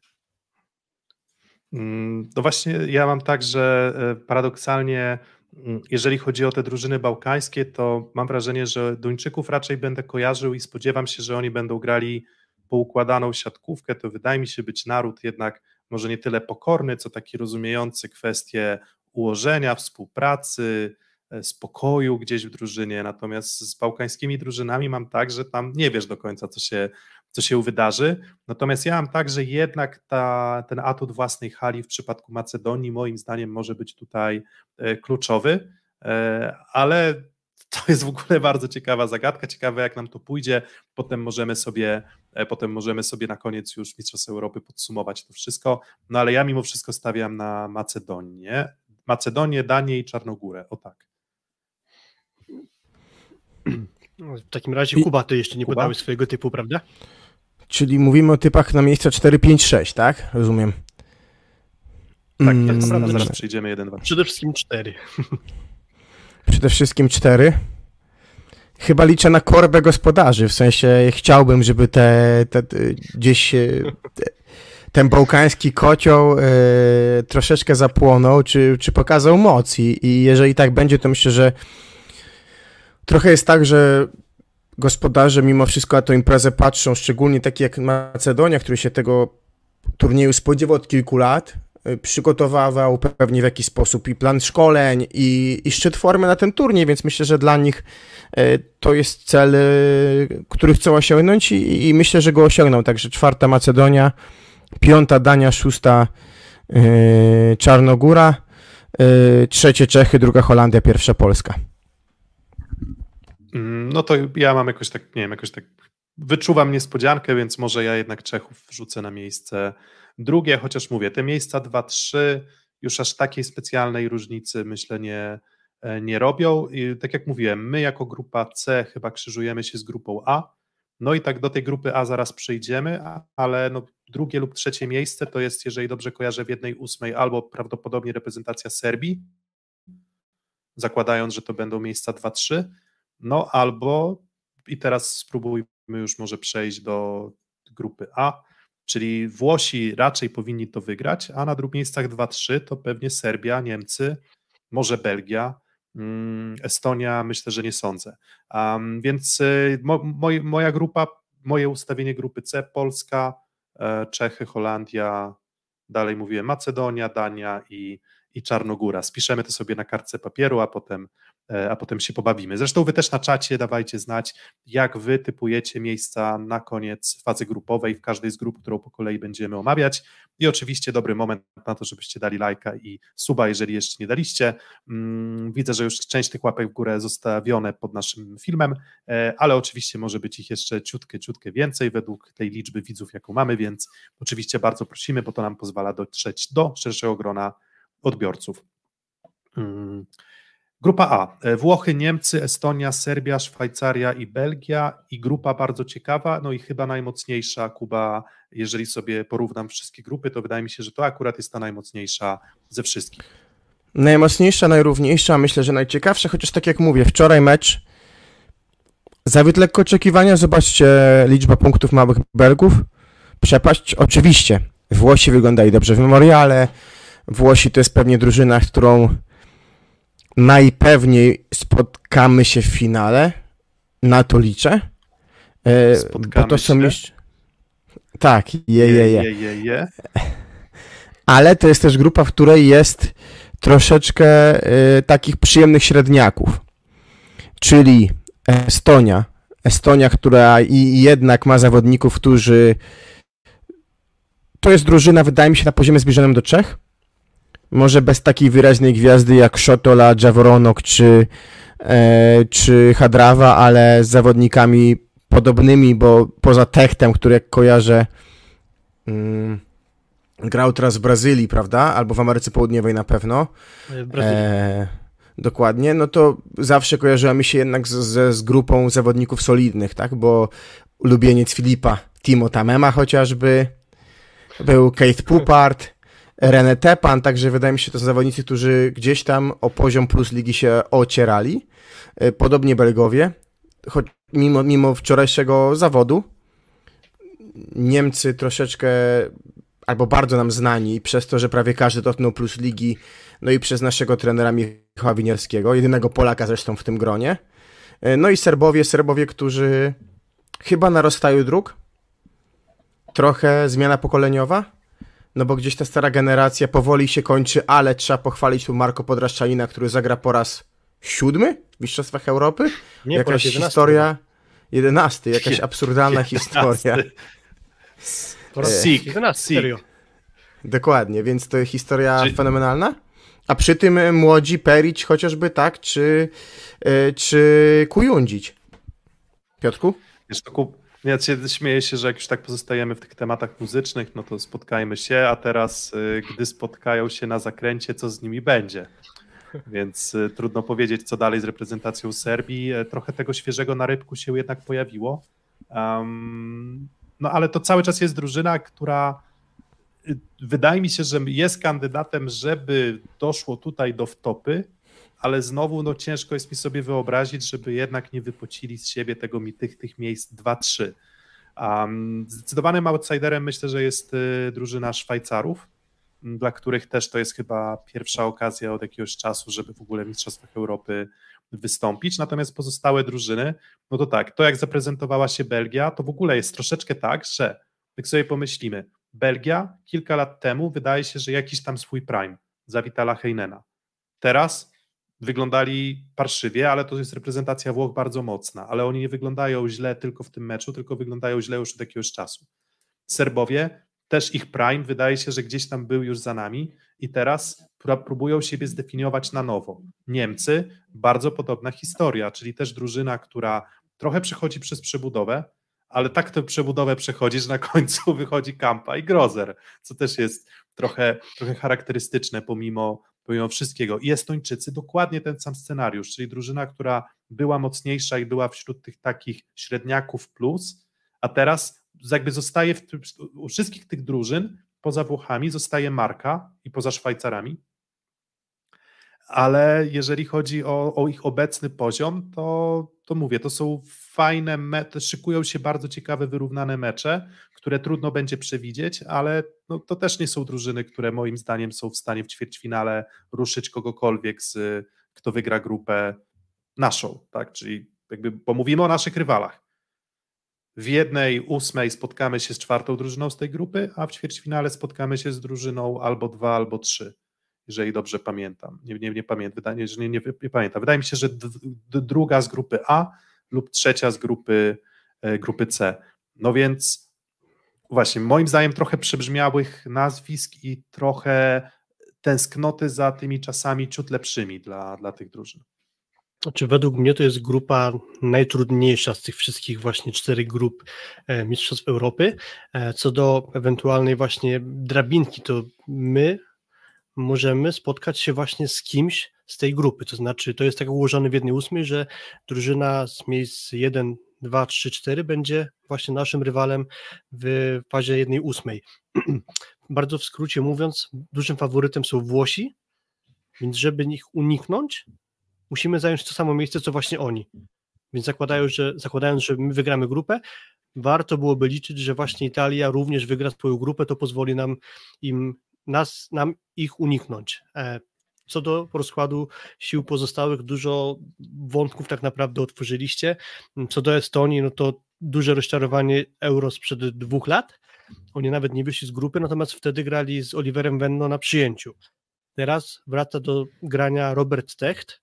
No i biorąc pod uwagę, że ten Venno będzie już mógł grać na ataku, no to skrzydła Venno, Tacht i wschodząca, może jeszcze nie gwiazda, ale postać powiedzmy średniej europejskiej klasy Marta Mearu, to są już skrzydła, które myślę, że spokojnie pozwolą im zająć e, czwarte miejsce w tej grupie i mm, zostawić e, z tyłu Belgów. Znaczy, w sensie będzie taka rywalizacja. Belgia, Estonia, moim zdaniem, właśnie o to czwarte miejsce. Outsiderem jest Szwajcaria. Możemy stamtąd kojarzyć chociażby Reto Gigera, który przez jeden sezon załapał się nagranie w Czarnych Radom, to jest rozgrywający. Kojarzy go tak naprawdę wyłącznie z dobrej zagrywki, to jest wszystko. Co do Belgów, mieliśmy okazję już ich wczoraj oglądać naprzeciwko Włochów i ekipa no, od razu było widać, że znacznie, znacznie słabsza niż y, Italia, która jest w dobrym rytmie meczowym i widać, że ograna na poziomie światowej czołówki. Wyraźnie Belgowie odstawali. To też pokazuje, jak dużą rolę rozgrywa, odgrywa rozgrywający bardzo słaby mecz ich rozgrywającego, to moim zdaniem sprawiło, że tak naprawdę cały zespół prezentował się trochę gorzej niż wskazywałyby na to nazwiska. Do tego jeszcze doszło parę problemów zdrowotnych, bo mm, przed turniejem odpadł Tomasz Rousseau, który ma przepuklinę i nie będzie grał przez jakiś czas, a z kolei znajdujący się w kadrze dwaj przyjmujący Verhaneman oraz Desmet wracają do grania po kontuzjach kostki, więc to, że ten Sepp Perotti to jest utalentowany przyjmujący, rozpoczął ten mecz w szóstce, to właśnie sprawa kontuzji, która się przytrafiła w ekipie Emanuele Zaniniego. Desmet już wrócił na boisko, to jest na pewno dobra wiadomość. Na no to, że właśnie grał ten Sepperotti, no to mocno to wykorzystali Włosi, chociażby w pierwszym secie, gdzie bardzo mocno tego strzeliwali zagrywką i miał w tym elemencie ogromne problemy. Natomiast dobrze wygląda sam Dero, tylko właśnie kwestia też piłek do niego kierowanych, bo oprócz tego, że naprawdę Jules wystawiał do niego na lewe, na prawe, na pipa, gdzie tam akurat się Dero znajdował i nie wszystkie wystawy były po prostu sensowne, więc pewnie przy lepszym rozgrywającym, przy lepiej grającym rozgrywającym ten Dero odegrałby ważniejszą rolę. Ale ja miałem poczucie mizerności trochę Dero, jeżeli chodzi o mobilność. Przypomniał mi się jego ostatni sezon w Rzeszowie i wydaje mi się, że w zakresie mobilności jego na przyjęciu dużo się nie zmieniło. Wiesz bo... co, Dero czasach rzeszowskich mhm. miał kontuzję i on długo z niej jeszcze wychodził, bo to była dość poważna kontuzja. On dopiero doszedł do siebie w Zenicie Petersburg, gdzie naprawdę dobry sezon zagrał właśnie w tamtej drużynie. Fakt, że też Włosi, no, ta ich zagrywka parszywa, mocno go męczyli, dużo skrótów, uniemożliwiali mu grę.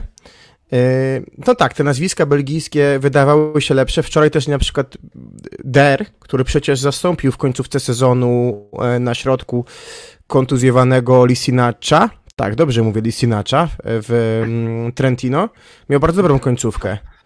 E, więc, więc y, to też chyba pokazuje, że te drużyny z trochę niższego pułapu, poza y, jakością czysto indywidualną, muszą stanowić synergię, jeżeli w ogóle są w stanie, chcą, chcą powalczyć z zespołami lepszymi od siebie, no bo wczoraj Belgowie absolutnie na boisku nie przypominali tej synergii i stąd pewnie też taka różnica, ale Piotrek, mm, Serbia, której bardzo boi się Nikola Grbić, e, o czym mówi w każdym wywiadzie, Serbia, która nas ograła bardzo mocno w Nagoi, przy użyciu e, de facto młodzianów plus Luburicia. Mm, tak, inna reprezentacja Polski Polski i inni Serbowie. Myślę, że, że, że, że te mecze e, specjalnego związku z specjalnego związku myślę, że mieć nie będzie to, co się wtedy wydarzyło z meczem potencjalnym naszym ćwierćfinałowym. Um, jakby jakąś tam wątpliwość mógłbym mieć, gdyby było tak, że nie wiem, no Serbowie na przykład nie wystąpią w turnieju kwalifikacyjnym do Igrzysk. I o tym nie powiedzieliśmy jakby na starcie transmisji, że w przypadku wielu drużyn tutaj, które, dla których szansa na przykład na awans turnieju kwalifikacyjnego, jeżeli jest niewielka, to te Mistrzostwa Europy mogą być też kluczowym wydarzeniem pod kątem mm, chęci zdobywania punktów do rankingu, bo tych punktów można trochę zdobyć, ale myślę, że można stracić. Jak patrzę sobie na tę grupę, to wydaje mi się, że to są drużyny, na których te punkty, na przykład Serbowie, będą mogli, e, będą mogli nabić.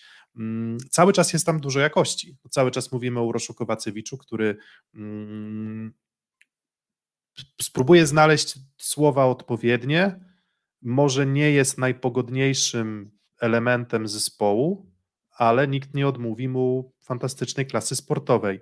I w zasadzie samo granie Luburic i Kowacewicz, jeżeli akurat będą mieli swój dzień, może być bardzo nieprzyjemne. Do tego ten Todorowicz jest już trochę chyba mniejszym parodystą na rozegraniu niż Jowowicz. Um, i, i, no i tworzy się z tego drużyna, którą nie zdefiniuje jako ogromne zagrożenie dla nas, bo my grając swoje przy tej szerokości składu i przy tym potencjale, tylko tylko, że właśnie mówimy o tym, że musimy zagrać swoje. Myślę, że ten mecz akurat z Serbami w ćwierćfinale, wiadomo, dzielimy już skórę na niedźwiedziu, mówimy, że wygramy grupę, mówimy, że przejdziemy jedną ósmą, natomiast myślę, że ten mecz no, nie musi być wcale, wcale taki łatwy, ale jednak no, mam z tyłu głowy, że, że to już są Serbowie, no to są Serbowie, którzy w tym VNL-u troszkę poszarpali, ale, ale no to jednak było przeciętniactwo nawet, nawet biorąc pod uwagę to, że części zawodników, którzy będą na Mistrzostwach Europy, mm, nie było na VNL-u. Wspominacie o zmianie pokoleniowej, która może następować u Serbów, to właśnie brak Nikoli Jowowicza. On nie zrezygnował jeszcze z grania w kadrze na stałe, natomiast zrobił sobie przerwę po wielu latach właśnie w tym roku, więc jeszcze Jowowicza być może w którymś kolejnym roku w tej kadrze zobaczymy, natomiast co dorobić, to potencjalnie moim zdaniem lepszy rozgrywający, więc to może jeszcze Serbom wyjść na dobre, bo od lat jak kojarzymy, przynajmniej ja kojarzę reprezentację Serbii, no to właśnie najwięcej tam było do zarzucenia właśnie Jowowiczowi, czyli rozgrywającemu. Więc tutaj potencjalna zmiana może wyjść na dobre. On już zagrał dwa lata temu, kilka piłek na tamtym euro właśnie e, sprzed dwóch lat. Mówię o Todorowiciu, a z kolei chyba najmocniejszym punktem wydaje się para atakujących, bo mhm, i Lubury, i Atanasiewicz e, stanowią mocne punkty ekipy. Nawet nie mówię o potencjale, to po prostu o grze, bo Luburic wyglądał dobrze w Lidze Narodów, a z kolei Atanasiewicz bardzo dobrze wyglądał w którymś ostatnim sparingu, bardzo dobre liczby, więc myślę, że tu będzie największe zagrożenie Serbów. E, nie ma Lisinaca, który wciąż leczy kontuzję po operacji kręgosłupa, prawdopodobnie na środku będzie właśnie Podraścianin, który już tych euro ma więcej niż niektórzy widzowie eurolat, e, do, do pary jeszcze Petrek Szmanowicz przypuszczalnie z nim, natomiast co do przyjęcia, no to jest ten Urosz Kowacewicz, czyli kapitan reprezentacji Serbii, natomiast on ostatnio nie grał, ponieważ przytrafiła mu się jakaś kontuzja i być może będzie w stanie już y, wrócić na boisko, natomiast jakiś rytm meczowy jego został zaburzony, podobnie z Iwowiciem, który też jakąś lekką kontuzję niedawno miał, więc jeszcze dochodzi kwestia jakichś tam niedyspozycji zdrowotnych po stronie mm, Serbii, dlatego nie czuję, żeby oni grupę wygrali, ale prawdopodobnie jest wielce możliwe, że właśnie z nimi w ćwierćfinale zagramy. E, Piotrku, Dwa pytania. Pierwsze cię rozbawi. Jakim składem na następny mecz wyjdą Włosi? A dwa, może słówko jeszcze o Niemcach tylko? Czy myślicie, że udało się Michałowi Winiarskiemu przez ten czas przygotowań po VNL-u ustabilizować drużynę bez Webera, ale z Grozerem i ustalić taki skład przyjmujący, który zapewni e, lepszy side-out? Hmm, to znaczy, no Hmm.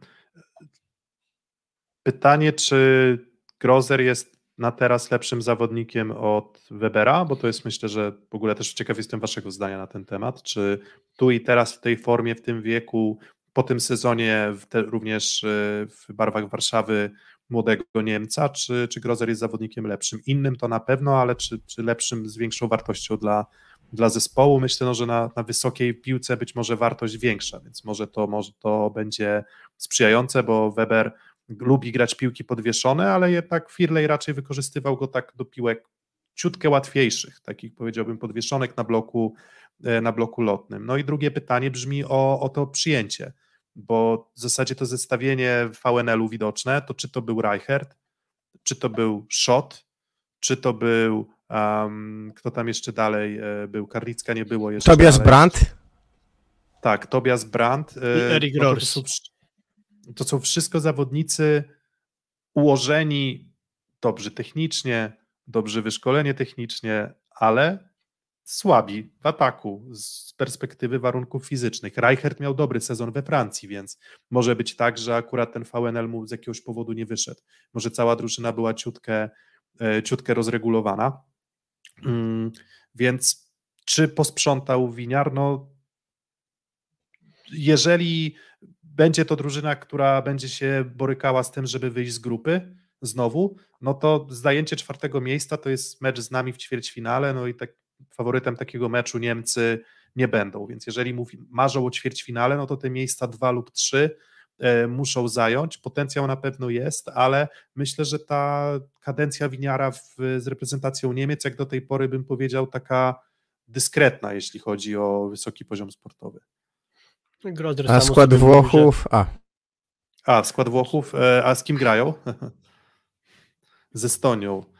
No to z Estonią to może, myślę, że może się mm, pojawić Sanguinetti na przykład na środku. To tak myślę, że on może, może dostanie odpoczynek, może Botolo albo Rinaldi, więc myślę, że może, jak, może jakieś tam jedna, dwie postacie jednak zrotują. Wiem, że to byłoby bardzo nie w stylu Fefe de Giorgiego, ale tak myślę, więc przekonam się jutro pewnie i odczytam ten skład, który, który zawsze wychodzi, ale zobaczymy. Co do. Gorga Grozera, bo zastanawialiście się nad jego dyspozycją względem Webera. Sam Grozer sobie mówi, że znajduje się obecnie w świetnej formie pomimo upływu lat, więc y, jeśli nawiąże do swoich najlepszych lat, aż tak może nie, ale, ale myślę, że to będzie jednak y, wartość dodana względem Webera, zwłaszcza, że o wysokie piłki tak naprawdę rozbija się gra Niemców, bo to, czego mi brakowało u nich w Lidze Narodów, to jest siła z lewego skrzydła, więc jeśli tam trochę więcej pary się pojawi na prawym, to może to lewe jeszcze zostanie trochę zrekompensowane, no i też być może widzi w tym pewną słabość Michał Winiarski właśnie w sile ognia z lewego, bo też w kadrze znalazł się Christian Fromm, który, jak go dobrze pamiętamy, zdecydowanie jest graczem bardziej ofensywnym na przyjęciu niż właśnie w aspektach defensywnych, więc y, być może Tak, właśnie chociaż- chociaż jego- z Gromem, Grozerem będą Chociaż, mm, ale wiesz co, a mam, mam, mam problem, w sensie myślę, że From jest też, też Nie- już nie bilansuje się. jest, nie, znaczy on, myślę, że on nie jest gwarantem jakości na skrzydle już też. Znaczy ja też tak Więc uważam, myślę, ale że, myślę, że może być, może być to zawodnik, który może i nie przyjmie, ale za to nie będzie też kończył piłek na skrzydle. E, Ale blok, ale blok na pewno ma bardzo dobry. Zobaczymy, zobaczymy w ogóle, jak to poukłada też, e, te, też Winiarski. Sam jestem ciekaw. Karlicek y, Schott? Chyba? Albo Reich, Karlicek Reichert. Strzelam. tak bym, tak bym obstawiał. E, znaczy, no inaczej, jeżeli Karlicek jest zdrowy, to wydaje mi się być absolutnie najlepszym zawodnikiem z tego całego zestawienia, a na pewno takim, takim zawodnikiem, którego potrzebuje Winiarski, żeby dodać trochę właśnie siły ognia, więc spodziewam się jego, e, jego występu. Grupa B, Bułgaria, która jest gospodarzem tej grupy, Chorwacja, Finlandia, Słowenia, Hiszpania i Ukraina. Pierwszy mecz w tej grupie już się toczy. Bułgaria z Hiszpanią, no i pierwszy set Hiszpanie wygrali z zawsze groźnymi gospodarzami z Bułgarii 25 do 17. E, W drugim secie e, 19 do 16 dla Hiszpanii, czyli e, z kopyta, e, z kopyta e, Bułgarzy rozpoczęli te mistrzostwa.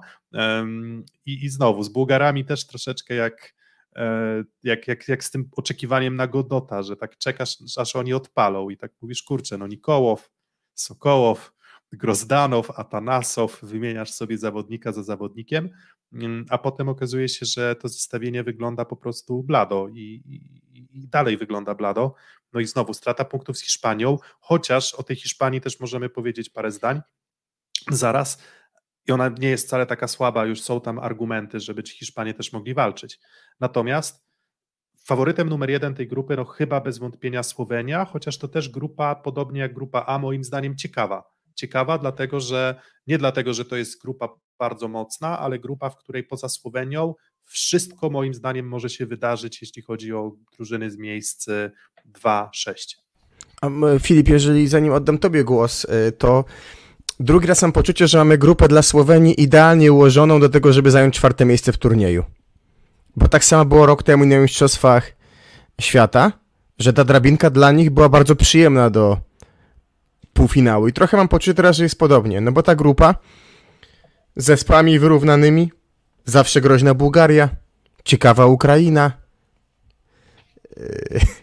fajna Hiszpania, jak widać po pierwszym meczu, arktyczna Finlandia i, i, i, i, i Chorwacja. Oczywiście teraz sobie żartuję, tak? Ale zaraz przejdziemy przez większość tych drużyn, ale drabinka dla nich sprzyjająca yy, i myślę, że są w stanie to wykorzystać. Myślę, że pokazali na Wagnerze, że są w dobrej formie już teraz. Zgrany mechanizm trenera Kretu. Yy, dobry ropret, dokładny dosyć. Świeży, kret, świeży czebur, który wygląda naprawdę dobrze, jeżeli chodzi o elementy fizyczne. Mozic wyleczony, jeżeli chodzi o kontuzję stopy, prawda, Filip, po, po VNL-u.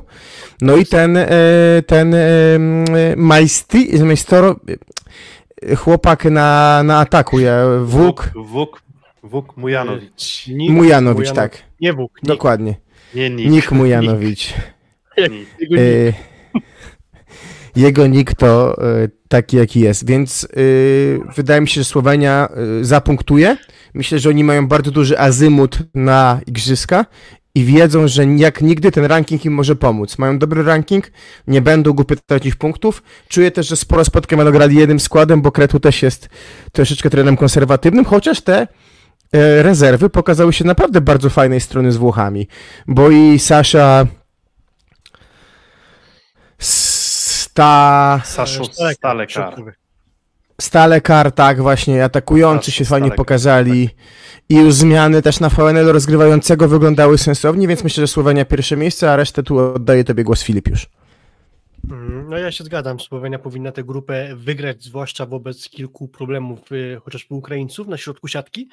E, No to sytuacja wygląda tak jak, trochę wracając do jednego z swoich pierwszych zdań Kuba, że Słowenia ma dość wygodną drabinkę do tego, żeby po raz trzeci bodajże z rzędu znaleźć się co najmniej w półfinale mm, europejskiego czempionatu, bo to wygląda tak, że jeżeli Słowenia wygra swoją grupę i grupę D wygra Francja, to ich ćwierćfinałowym rywalem będzie ktoś prawdopodobnie z trójki z ich grupy Ukraina bądź na przykład Bułgaria lub Chorwacja lub z grupy D bardzo prawdopodobne, że będzie to ktoś z mm, dwójki na przykład Turcja lub ewentualnie może Portugalia, obstawiam, że Turcja, więc najprawdopodobniej w ćwierćfinale będą mogli zagrać z kimś z pary Ukraina lub y, Turcja, więc y, patrząc na resztę stawki, dość wygodna właśnie droga do zajęcia miejsca w pierwszej e, czwórce. Mm, Co do pozostałych ewentualnych drużyn, które z tej grupy mogłyby wyjść, trochę jestem zdziwiony tym, że Bułgaria przegrała z Hiszpanią pierwszego seta.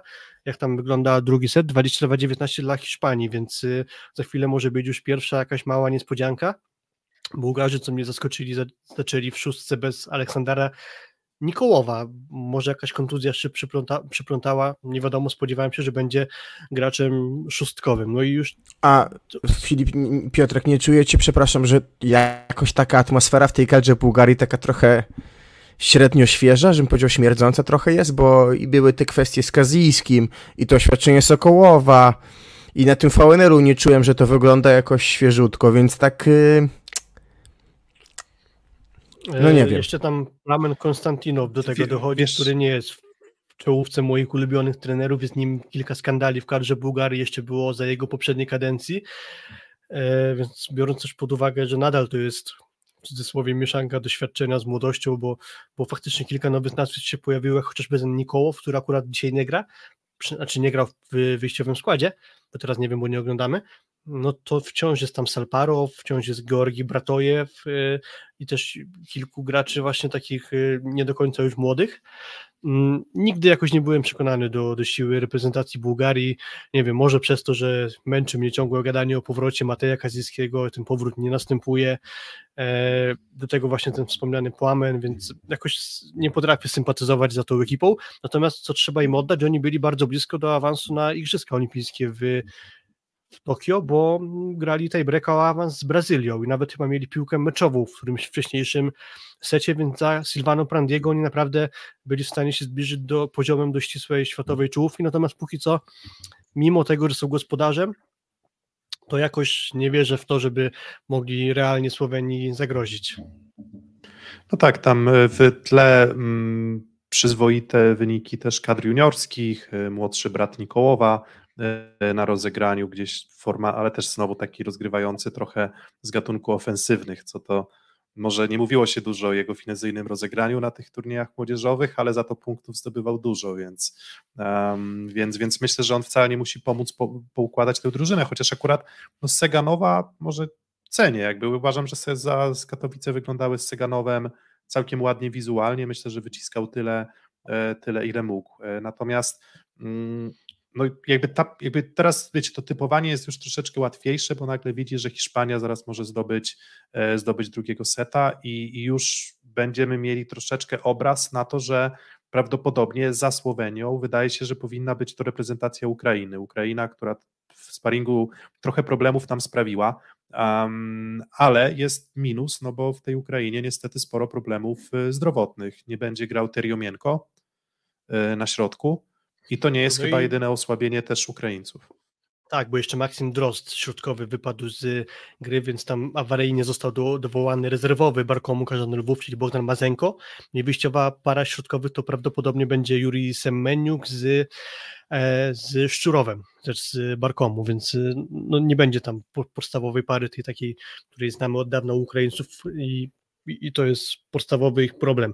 Natomiast cała reszta to już chyba będzie zdrowa, natomiast no, jest kwestia tej obsady środka siatki. Ukraińcy niedawno e, doszli do finału Złotej Ligi Europejskiej i do finału Challenger Cup, tylko cały czas na ich drodze stoi reprezentacja Turcji i właśnie to mm, łupem Turków padły złote medale tej wspomnianej imprezy właśnie Złotej Ligi Europejskiej i Challenger Cup, czyli Turków będziemy oglądać w przyszłorocznej Ligi Narodów, ale do grupy D który gra Turcja, jeszcze e, dojdziemy. Według mnie Ukraina to jest mocny kandydat do e, drugiego miejsca w tej grupie. Ja ich odbieram taką drużynę, bo zobaczcie, to nie są słabe skrzydła. Płotnicki, podstawowy, titulary czy rezerwowy Perudzi, czyli no powiedzmy sobie poziom światowy. Tupci wyglądał w naszej lidze naprawdę nieźle. Yy, trochę jednowymiarowy, ale wyglądał naprawdę nieźle. Semeniuk, okej, okay, odbił się od naszej ligi. E, odbył się od naszej ligi w Warszawie i pewnie był, tak jak mówiłeś Piotrek, dość sporym zawodem, z czym zgoda, ale na końcu chyba trochę zaczął się odgruzowywać dzięki trenerowi tak, Grabanowi. Tak, tak, tak. Finish, finish e, Ko Kowalow no, w tym Lubli, Lublinie był przezroczysty, no ale to jest dalej zawodnik, który był na poziomie plus ligi gracze z, z Lwowa no, dość łatwo się w naszej lidze utrzymali. Fakt, że po tym utrzymaniu już grali słabo, to inna historia. Więc drużyna pewnie znowu z pogranicza może tego playoffu naszego, a jak nawet nie wyżej, bo jednak te indywidualności. No i oni na przykład pokazali, jak umieją maksymalizować swój potencjał już na Mistrzostwach Świata, bo jednak ten ćwierćfinał to myślę, że jest dalej jednak maks ich możliwości personalnych. E, natomiast no jak na to, co grają, no to grają poukładanie, Mam pomysł na drużynę, moim zdaniem, e, trener Krastins. Drugi raz pod rząd robią nam jakieś tam problemy i mamy z nimi tiebreak. Oczywiście oni są przygotowani, myślę, że dużo dalej niż my, jeżeli chodzi o jakieś przygotowań. Jedyne, czego mi się wydaje, może zabraknąć Ukrainie w meczach równych, to jest głowy, bo właśnie te mecze z Turkami pokazywały, że oni nawet będą z drużyną lepszą, gdzieś tam tracili głowę, wpadali w jakieś takie martwe dziury e, i to jest, wydaje mi się, kwestia tego, że ci zawodnicy nie są moim zdaniem jeszcze tak doświadczeni i ograni na tym poziomie, gdzie decydują takie malutkie detale, więc wydaje mi się to być zespół, który powinien przejść e, jedną ósmą, ale gdyby tu odpadli w jakimś równym meczu, to nie byłbym zdziwiony. Dla mnie to jest zespół na poziomie bardzo zbliżonym do Niemców, na przykład Ukraina, natomiast u Niemców, no to nie wiem, na przykład dalej cenię wyżej Grozera od Tupciego. No i też Ukraina to jest historia, która zaczęła się znaczy... dosyć dawno pod wodzą Ugisa Krestinsa. 4 lata temu, w 2019 roku, oni w jednej ósmej wyeliminowali Belgię, która wtedy przystępowała do tamtego turnieju jako czwarta drużyna Europy, jeszcze za Vitala Heinena z 2017 roku, a w ćwierćfinale dopiero po tej breaku Ukraina przegrała z Serbią, więc wtedy już byli bardzo blisko tego, żeby sprawić e, sensację. Dwa lata temu przegrali z Rosją bodajże już na poziomie jednej ósmej, natomiast to rywal był zdecydowanie poza ich zasięgiem, tak mówiąc, e, na tamte czasy jeszcze. Mm, teraz myślę, że Ukraina to jest duży kandydat do miejsca numer dwa, natomiast jestem ciekawy, co się wydarzy dalej, bo o ile Słowenia tę grupę pewnie wygra, no to już rywalizacja o miejsce powiedzmy 3-4 no to robi się coraz ciekawsza, biorąc pod uwagę, że Bułgaria przegrywa już 0 do 2 z Hiszpanią, bo pierwotnie chciałem powiedzieć, szczerze powiedziawszy, że to Bułgaria może się na to trzecie miejsce załapać, a teraz już takiej pewności nie mam, bo jakąś sensację może sprawić e, Hiszpania. Wiesz co, myślę, że może sprawić Hiszpania i, i myślę, że każda drużyna, mm, czy, czy, czy Chorwacja, czy Finlandia, czy Hiszpania, myślę, że każda z nich ma, e, ma jakieś tam argumenty. Mm, bo tak, bo jeżeli wspominałem o tych Hiszpanach, no i w tym momencie um, uważam, że solidny atakujący Wilena i po dobrym sezonie widzę francuskiej Ramon Ferragut, który idzie do Cisterny e, wolej, więc to też nie jest zawodnik zupełnie przypadkowy. Fornes, który też pamiętam, że, mm, że, że jeżeli dobrze pamiętam w, lidze belgijskiej chyba, też występował, jeżeli się, jeżeli się nie mylę, ale też kojarzę go jako zawodnika naprawdę przyzwoitego. I nagle się okazuje, że jeżeli, jeżeli siądziesz na, jeżeli jesteś dobrze przygotowany, jeżeli siądziesz na tych rywali, którzy może potraktują cię odrobinę po macoszemu, to, to myślę, że Hiszpanie już pokazują, że z tymi Bułgarami, że są w stanie powalczyć, chociaż oczywiście jest to takie, wiecie, typowanie po fakcie, bo jakby dostali 0-3 z Bułgarią, to pewnie byśmy powiedzieli, że ci Hiszpanie się do niczego nie nadają, no ale są tam dwie postaci, które, które, które potrafią zdobywać punkty, a czasem na tym poziomie to jest kluczowe jakby kluczowe jest to i kluczowa jest organizacja gry. Tak jak, nie wiem, podam przykład nawet tego Barkomu Karzany Lwów, no to to nie była drużyna mocna w ofensywie poza Tupczyjem, wszystko było postawiona, każda piłka trudniejsza była postawiona do, do Tupczyja, bardzo słabo grał Kwalen, bardzo słabo grał Firkal, um, ale mimo to jeden skrzydłowy z dobrze zorganizowaną drużyną był w stanie się utrzymać w lidze i, i skubać drużyny teoretycznie dużo, dużo mocniejsze i dużo bogatsze. I, I to jest jakby Hiszpania, ale potem patrzymy na Chorwację. No jest Petar Dirlic, no jest Sedlaczek z Jastrzębskiego Węgla, jest Żukowski i znowu mówimy, znowu są kolejne dwie drużyny, znaczy kolejna drużyna, która ma dwóch skrzydłowych, którzy potrafią zdobywać punkty. Dalej patrzymy, ok, to może ta Finlandia jest, wychodzi na drużynę e, ciutkę słabą i też w jakimś tam regresie. Jak wspominałem o drużynach z grupy A, no to Finlandia też miała ten swój moment fantastyczny właśnie z Samel Wuo, z Antim Siltalą, z Ojwanenami, to było ich naprawdę złote Haikinen. możliwości. Um, nie wiem. Miko Esko i Emiter Vaporti. Tak. Znaczy tak, Jan Heikinen, tak, w sensie ale... Kuba chyba jego miał na myśli. A, tak, tak, tak, tak, tak, tak. W sensie mówimy o tam środkowym ze skry. Tak, tak, tak. Przepraszam, bo jakoś tak uciekł mi, uciekł mi zupełnie, ale faktycznie on naprawdę bardzo się wyróżnia w naszej lidze. E, więc Teraz z kolei u Finów, no to z takich ciekawych postaci, no to co, w Treflu Gdańsk, Libero, Wojto Kojka, który ma zastąpić, i to będzie na pewno bardzo trudne wyzwanie dla niego, zastąpić Luka Perego um, po genialnym sezonie, nie dobrym, a genialnym sezonie. Um, no i co, może Konen jako jakiś tam talent y, reprezentacji Fin, nie wiem, Filip, kogo jeszcze wskazałbyś y, u Finów jako zawodników aspirujących, ale mówię, no brakuje mi trochę liderów reprezentacji Finlandii. Czasem potrzebujesz mieć jak w Turcji Lagumdzie i on będzie zdobywał ci dużo punktów i potrzebujesz takiego zawodnika i czasem na turnieju takim jak Mistrzostw Europy mam wrażenie, że to może sprzyjać bardziej niż ułożona, równa gra i dobrze technicznie wyszkoleni zawodnicy i brak jakiegokolwiek lidera, więc wszyscy się będą męczyć w ofensywie. No, brakuje mi tam siły na skrzydłach, to znaczy żadnego ze skrzydłowych nie wskazałbym jako taką postać właśnie bardzo wyróżniającą się, a da się takie postaci znaleźć w kilku innych reprezentacjach. Tutaj najpewniejsze punkty to właśnie wspomniany przez Ciebie Libero Kojka, no i świetnie znany w Polsce Emitter Vaporti. Mówiliśmy o Marco Podraszczaninie, że zagra po raz jedenasty, tu też całkiem sporo występów na Euro zanotował właśnie Tervaporti, bo dla niego to będzie bodajże już siódmy czempionat Starego Kontynentu. E, on się miał żegnać po cichu, tak mówił, z kadrą dwa lata temu na Euro, ale dostał kontuzji, więc jeszcze teraz y, pojawił się w kadrze Finlandii i prawdopodobnie też jeszcze oficjalnie nie zapowiedział, ale to będzie dla niego ostatni turniej Mistrzostw y, Europy, więc najmocniejsze postaci dla mnie to jest właśnie te Porty i Kojka, jednocześnie to jest słabość kadry Finlandii, bo brakuje im tam siły na skrzydle, to moim zdaniem przełoży się na to, że bardzo prawdopodobne, że Finlandia zagra, znaczy nie zagra, tylko zajmie ostatnie miejsce w grupie.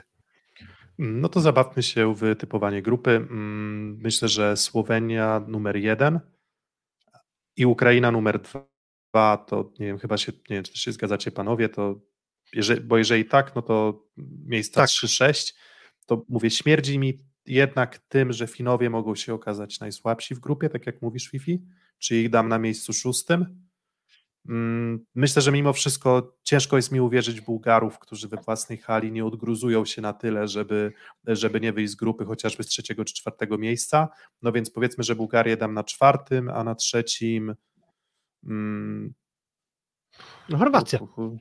No chyba, no chyba Chorwacja.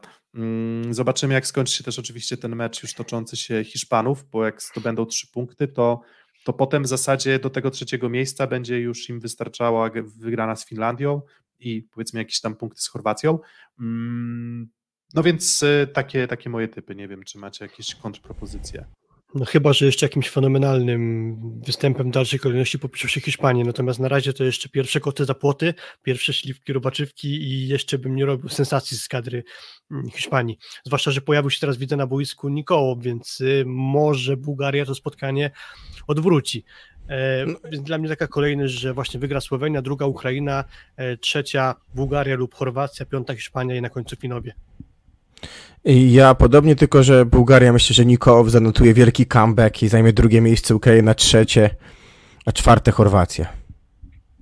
Mm, I grupa D, czyli Francja, Turcja, Grecja, Rumunia, Portugalia i Izrael. Już toczy się ten mecz pierwszy i tutaj też myślę, że o jakiejś tam małej niespodziance możemy mówić, gdyż albowiem jeden do jednego Izrael, chociaż może nie wiem, czy to niespodzianka, że Izrael wygrywa seta, mm, ale drugi set na przewagi, więc było bardzo blisko tego, żeby Izrael w ogóle swoje pierwsze punkty też zdobył. Mm, no i wydawałoby się, że znowu, gdybyśmy wskazywali Francję, no to oczywiście jako absolutnego faworyta, Turcję zdecydowanie jako drużynę numer dwa, zresztą nie bez powodu awansowali do Ligi Narodów i w przyszłym sezonie będziemy mieli ich okazję oglądać często i gęsto i prawdopodobnie też, może nie, nie ma pewności, ale może się zdarzyć, że będzie też mecz z reprezentacją Polski.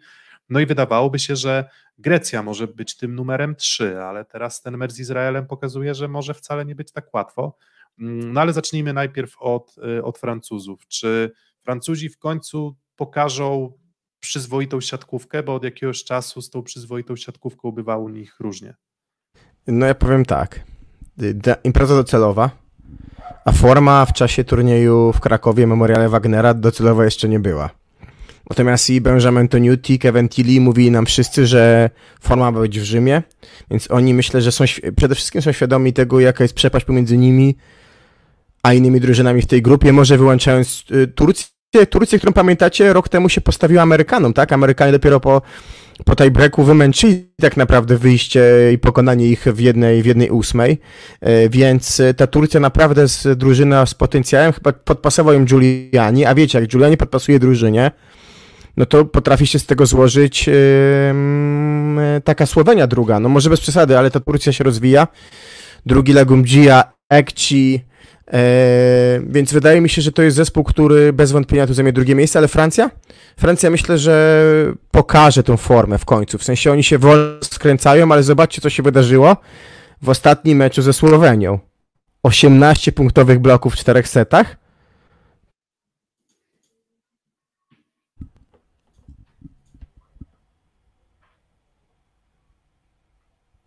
Kuba, coś się Halo? chwilowo. Nie, nie, ja Mocno? usłyszałem 18 bloków, 18 bloków punktowych, nie, natomiast ja usłyszałem 18 bloków punktowych mhm. w, w memoriale, memoriale Wagnera.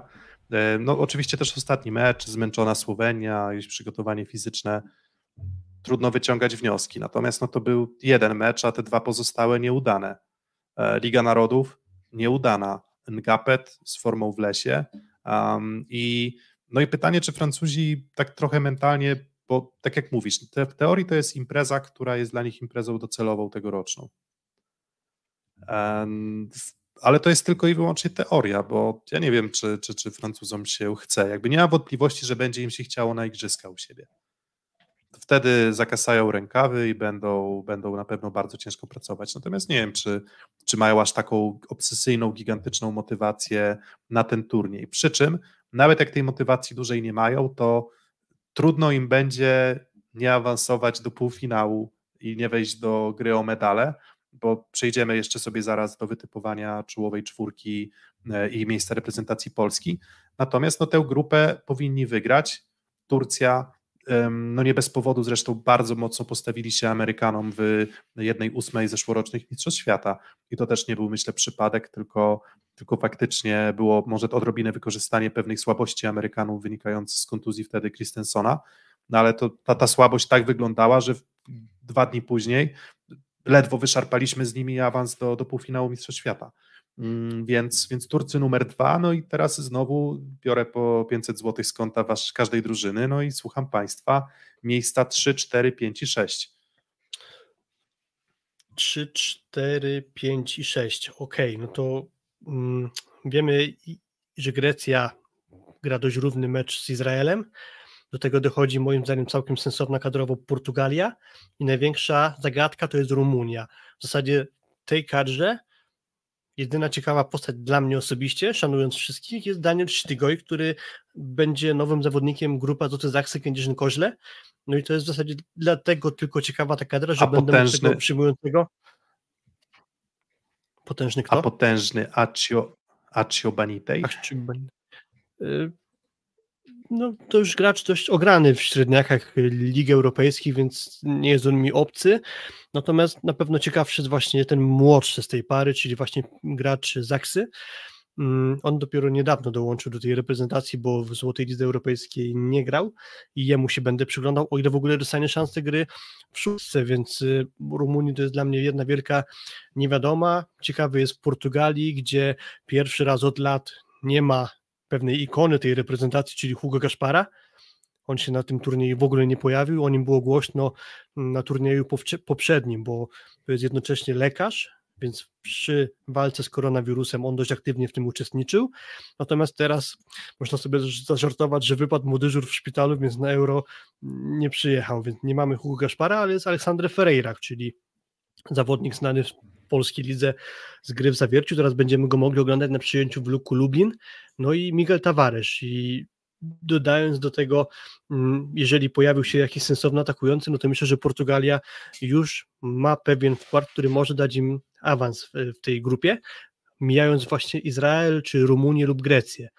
Mm, kadrowo powiedziałbym, że Portugalia może zająć trzecie miejsce, dalej dla mnie Grecja, czwarta, znaczy piąta Rumunia, i ostatni Izrael. Tak bym to widział przed turniejem. Natomiast trochę negatywnie mi już Grecy zaskakują, skoro tracą seta Izraelem, bo tamta ekipa jest naprawdę sensowna. Też gracze, którzy mm, na średni europejski poziom moim zdaniem się łapią, bo mamy Kumenta Kisa, który kiedyś grał w Kuprum Lubin, mamy dobrze znanego e, Protopsaltisa, który się dobrze pokazywał w Plus Lidze.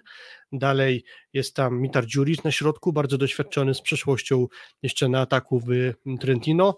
E, Muszlias to jest atakujący, który bardzo dobre recenzje zbierał w NCAA i teraz zagra bodajże w lidze niemieckiej, chyba w Diren, zdaje się, nie jestem pewny. E, Kokinaki z ograny libero w lidze tak, tak. greckiej. Mhm.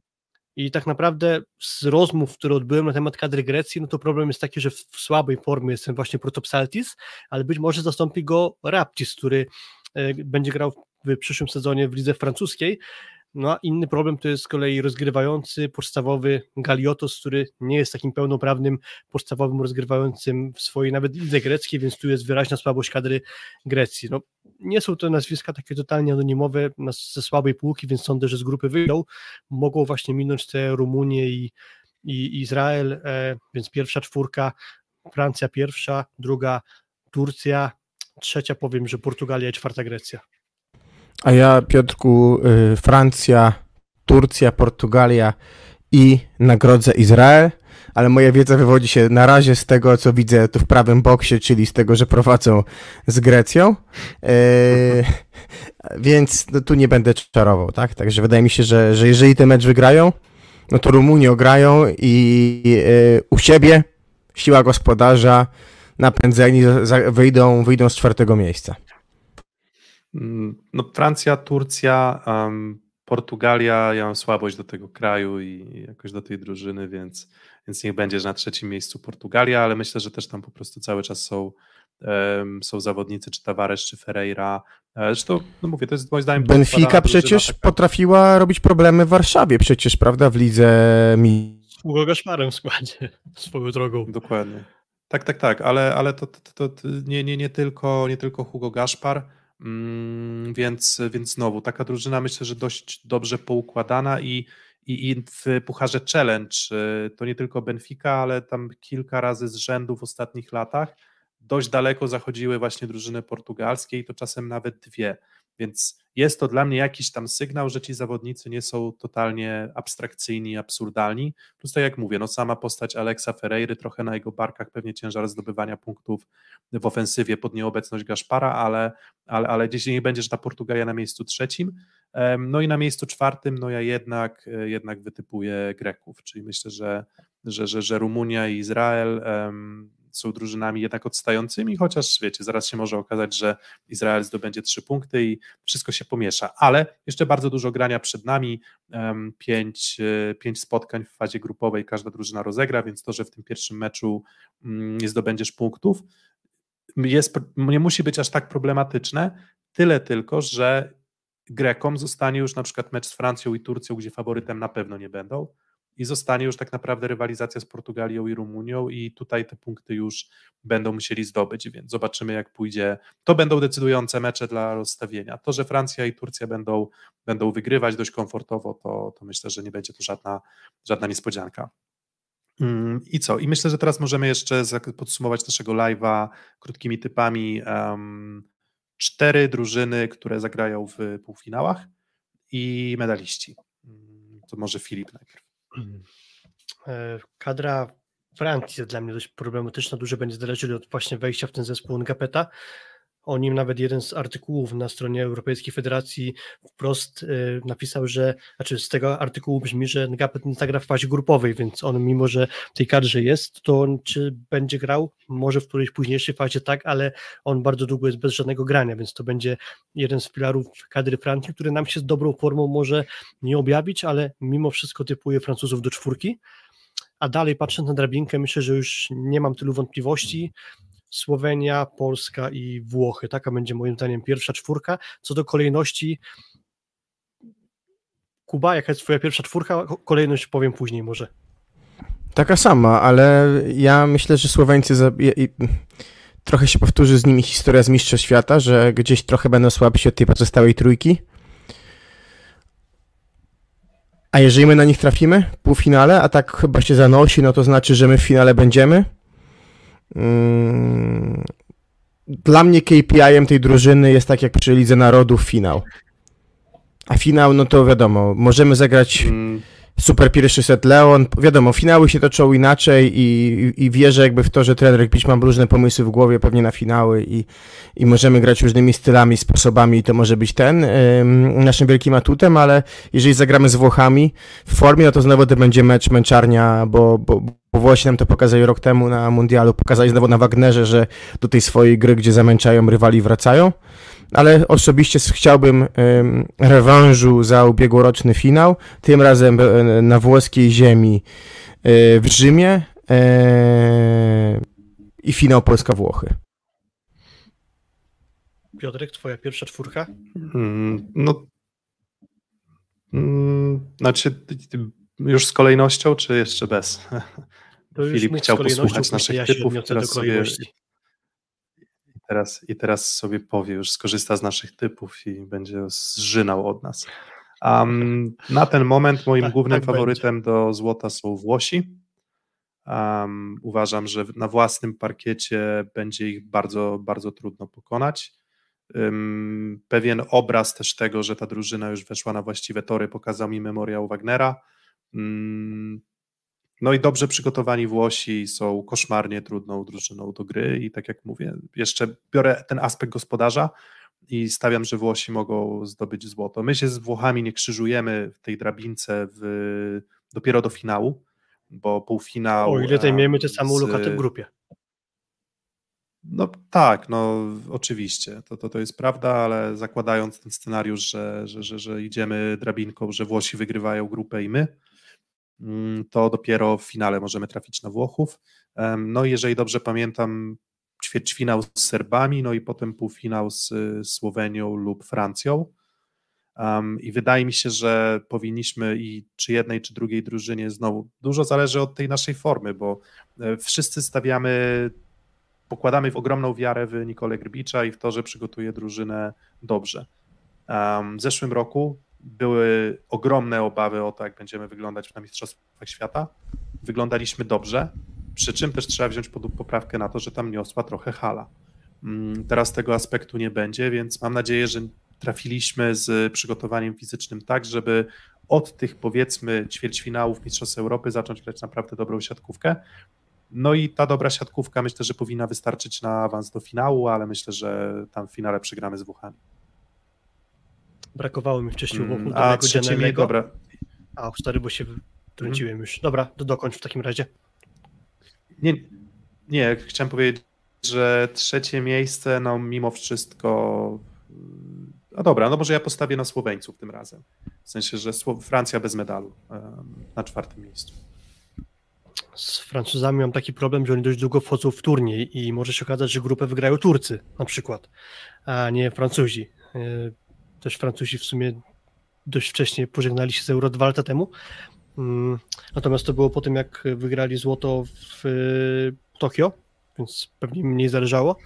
Doszły do zmiany trenera, więc tamten turniej może należy odciąć grubą kreską. E, Teraz e, obstawiam, że jednak Francuzi tę swoją grupę wygrają i, i to sprawi, że zmierzą się w półfinale właśnie z Włochami. Ten półfinał według mnie przegrają. Zagramy w finale, my Polacy zagramy w finale z Italią.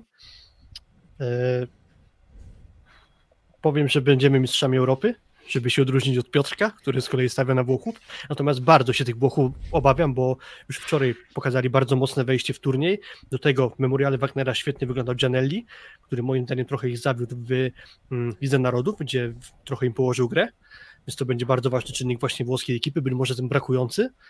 Mm, Więc y, po finale Polska, Włochy będziemy mistrzami Europy. Francuzi zagrają o brązowy medal. Właśnie powiedziałbym pewnie ze Słowenią, tak wynika z y, tej drabinki. Natomiast może tu jakiegoś czarnego konia poszukałbym właśnie w ekipie Turcji, która mm, będzie miała względnie nietrudną drabinkę, żeby tam się znaleźć, więc e, niech tak będzie, że w pierwszej czwórce będzie jeszcze mm, Turcja, a nie będzie tam Słowenii, to tak trochę życzeniowo patrząc, ale Słowenia jednak w tej czwórce się e, znajdzie, zajmie trzecie miejsce, miejsce czwarte, przypuszczalnie tak naprawdę nie wiem, z kim Francja mogłaby być w półfinale, z Ukrainą pewnie. Ale to też byłaby sensacja, gdyby Ukraina się w czwórce znalazła. Ale tak teraz wynika z drabinki, że ekipa czwarta, powiedzmy taka czwarta, najsłabsza, oprócz mm, Słowenii, Francji, Włoch, Polski, to z drabinki by wynikało, że będzie Ukraina, Turcja albo nie wiem, ale Ukraina, Turcja Niemcy? jest jakieś albo Bułgaria? Bułgaria może, ale to z kolei po słabym starcie może nie. Ale coś mi tam zaczyna pachnieć, że do czwórki wejdzie Ukraina lub Turcja. Rozmydliło nam się to strasznie, więc tylko podsumowując jednym zdaniem. Znaczy, no E, Słowenia, Włosi- Słowenia. Nie no, Słowenia Słowenia, wy- Słowenia wygrywając grupę w ćwierćfinale trafia prawdopodobnie na kogoś z pary Ukraina-Turcja. Więc myślę, że i Ukraina, i Turcja mogą marzyć o tym, albo żeby Słowenię Turcja-Bułgaria na przykład. Może być też tak, że Turcja-Bułgaria, a Ukraina zagra w ćwierćfinale z Portugalią. Też może się tak ułożyć. E, więc reasumując, e, zobaczymy, bo tam naprawdę możliwości jest wiele, trochę hipotetyzujemy. Wszystko możliwe, ale tak czy inaczej, jakby, bo tak jak właśnie roz, rozwadniamy to już bardzo mocno i myślę, że tutaj trzeba to kończyć, więc myślę, że jest szansa na to, że Słowenia dostanie pstryczka nas w ćwierćfinale, ale po tym jak wyglądali na memoriale Wagnera, znowu wyciąganie wniosków, pewnie tak sobie wybieram, że dla części drużyn ten Wagner nie miał znaczenia, a dla części miał, ale Słoweńcy wyglądali już na dobrze poukładaną drużynę z, ze zdrowym Rokiem Muziczem, który no, jest tam wystarczająco dużo jakości, żeby być faworytem w zestawieniu z dowolnym rywalem w ćwierćfinale z pary Turcja czy Ukraina, czy może Bułgaria, więc tak, tak, tak właśnie patrzę na Słowenię, że, że, że Kretu to dobrze poukłada. No a o mecz o brąz, no to pytanie o motywację drużyny, która przegra w półfinale. No i oby to nie była No Polska. finalizując moje typy jednym zdaniem. A, Polska dobra, no to co? mistrzem Europy, To tu Włosi wicemistrzowie Europy, Słowenia trzecia i czwarta Turcja. A wasz MVP?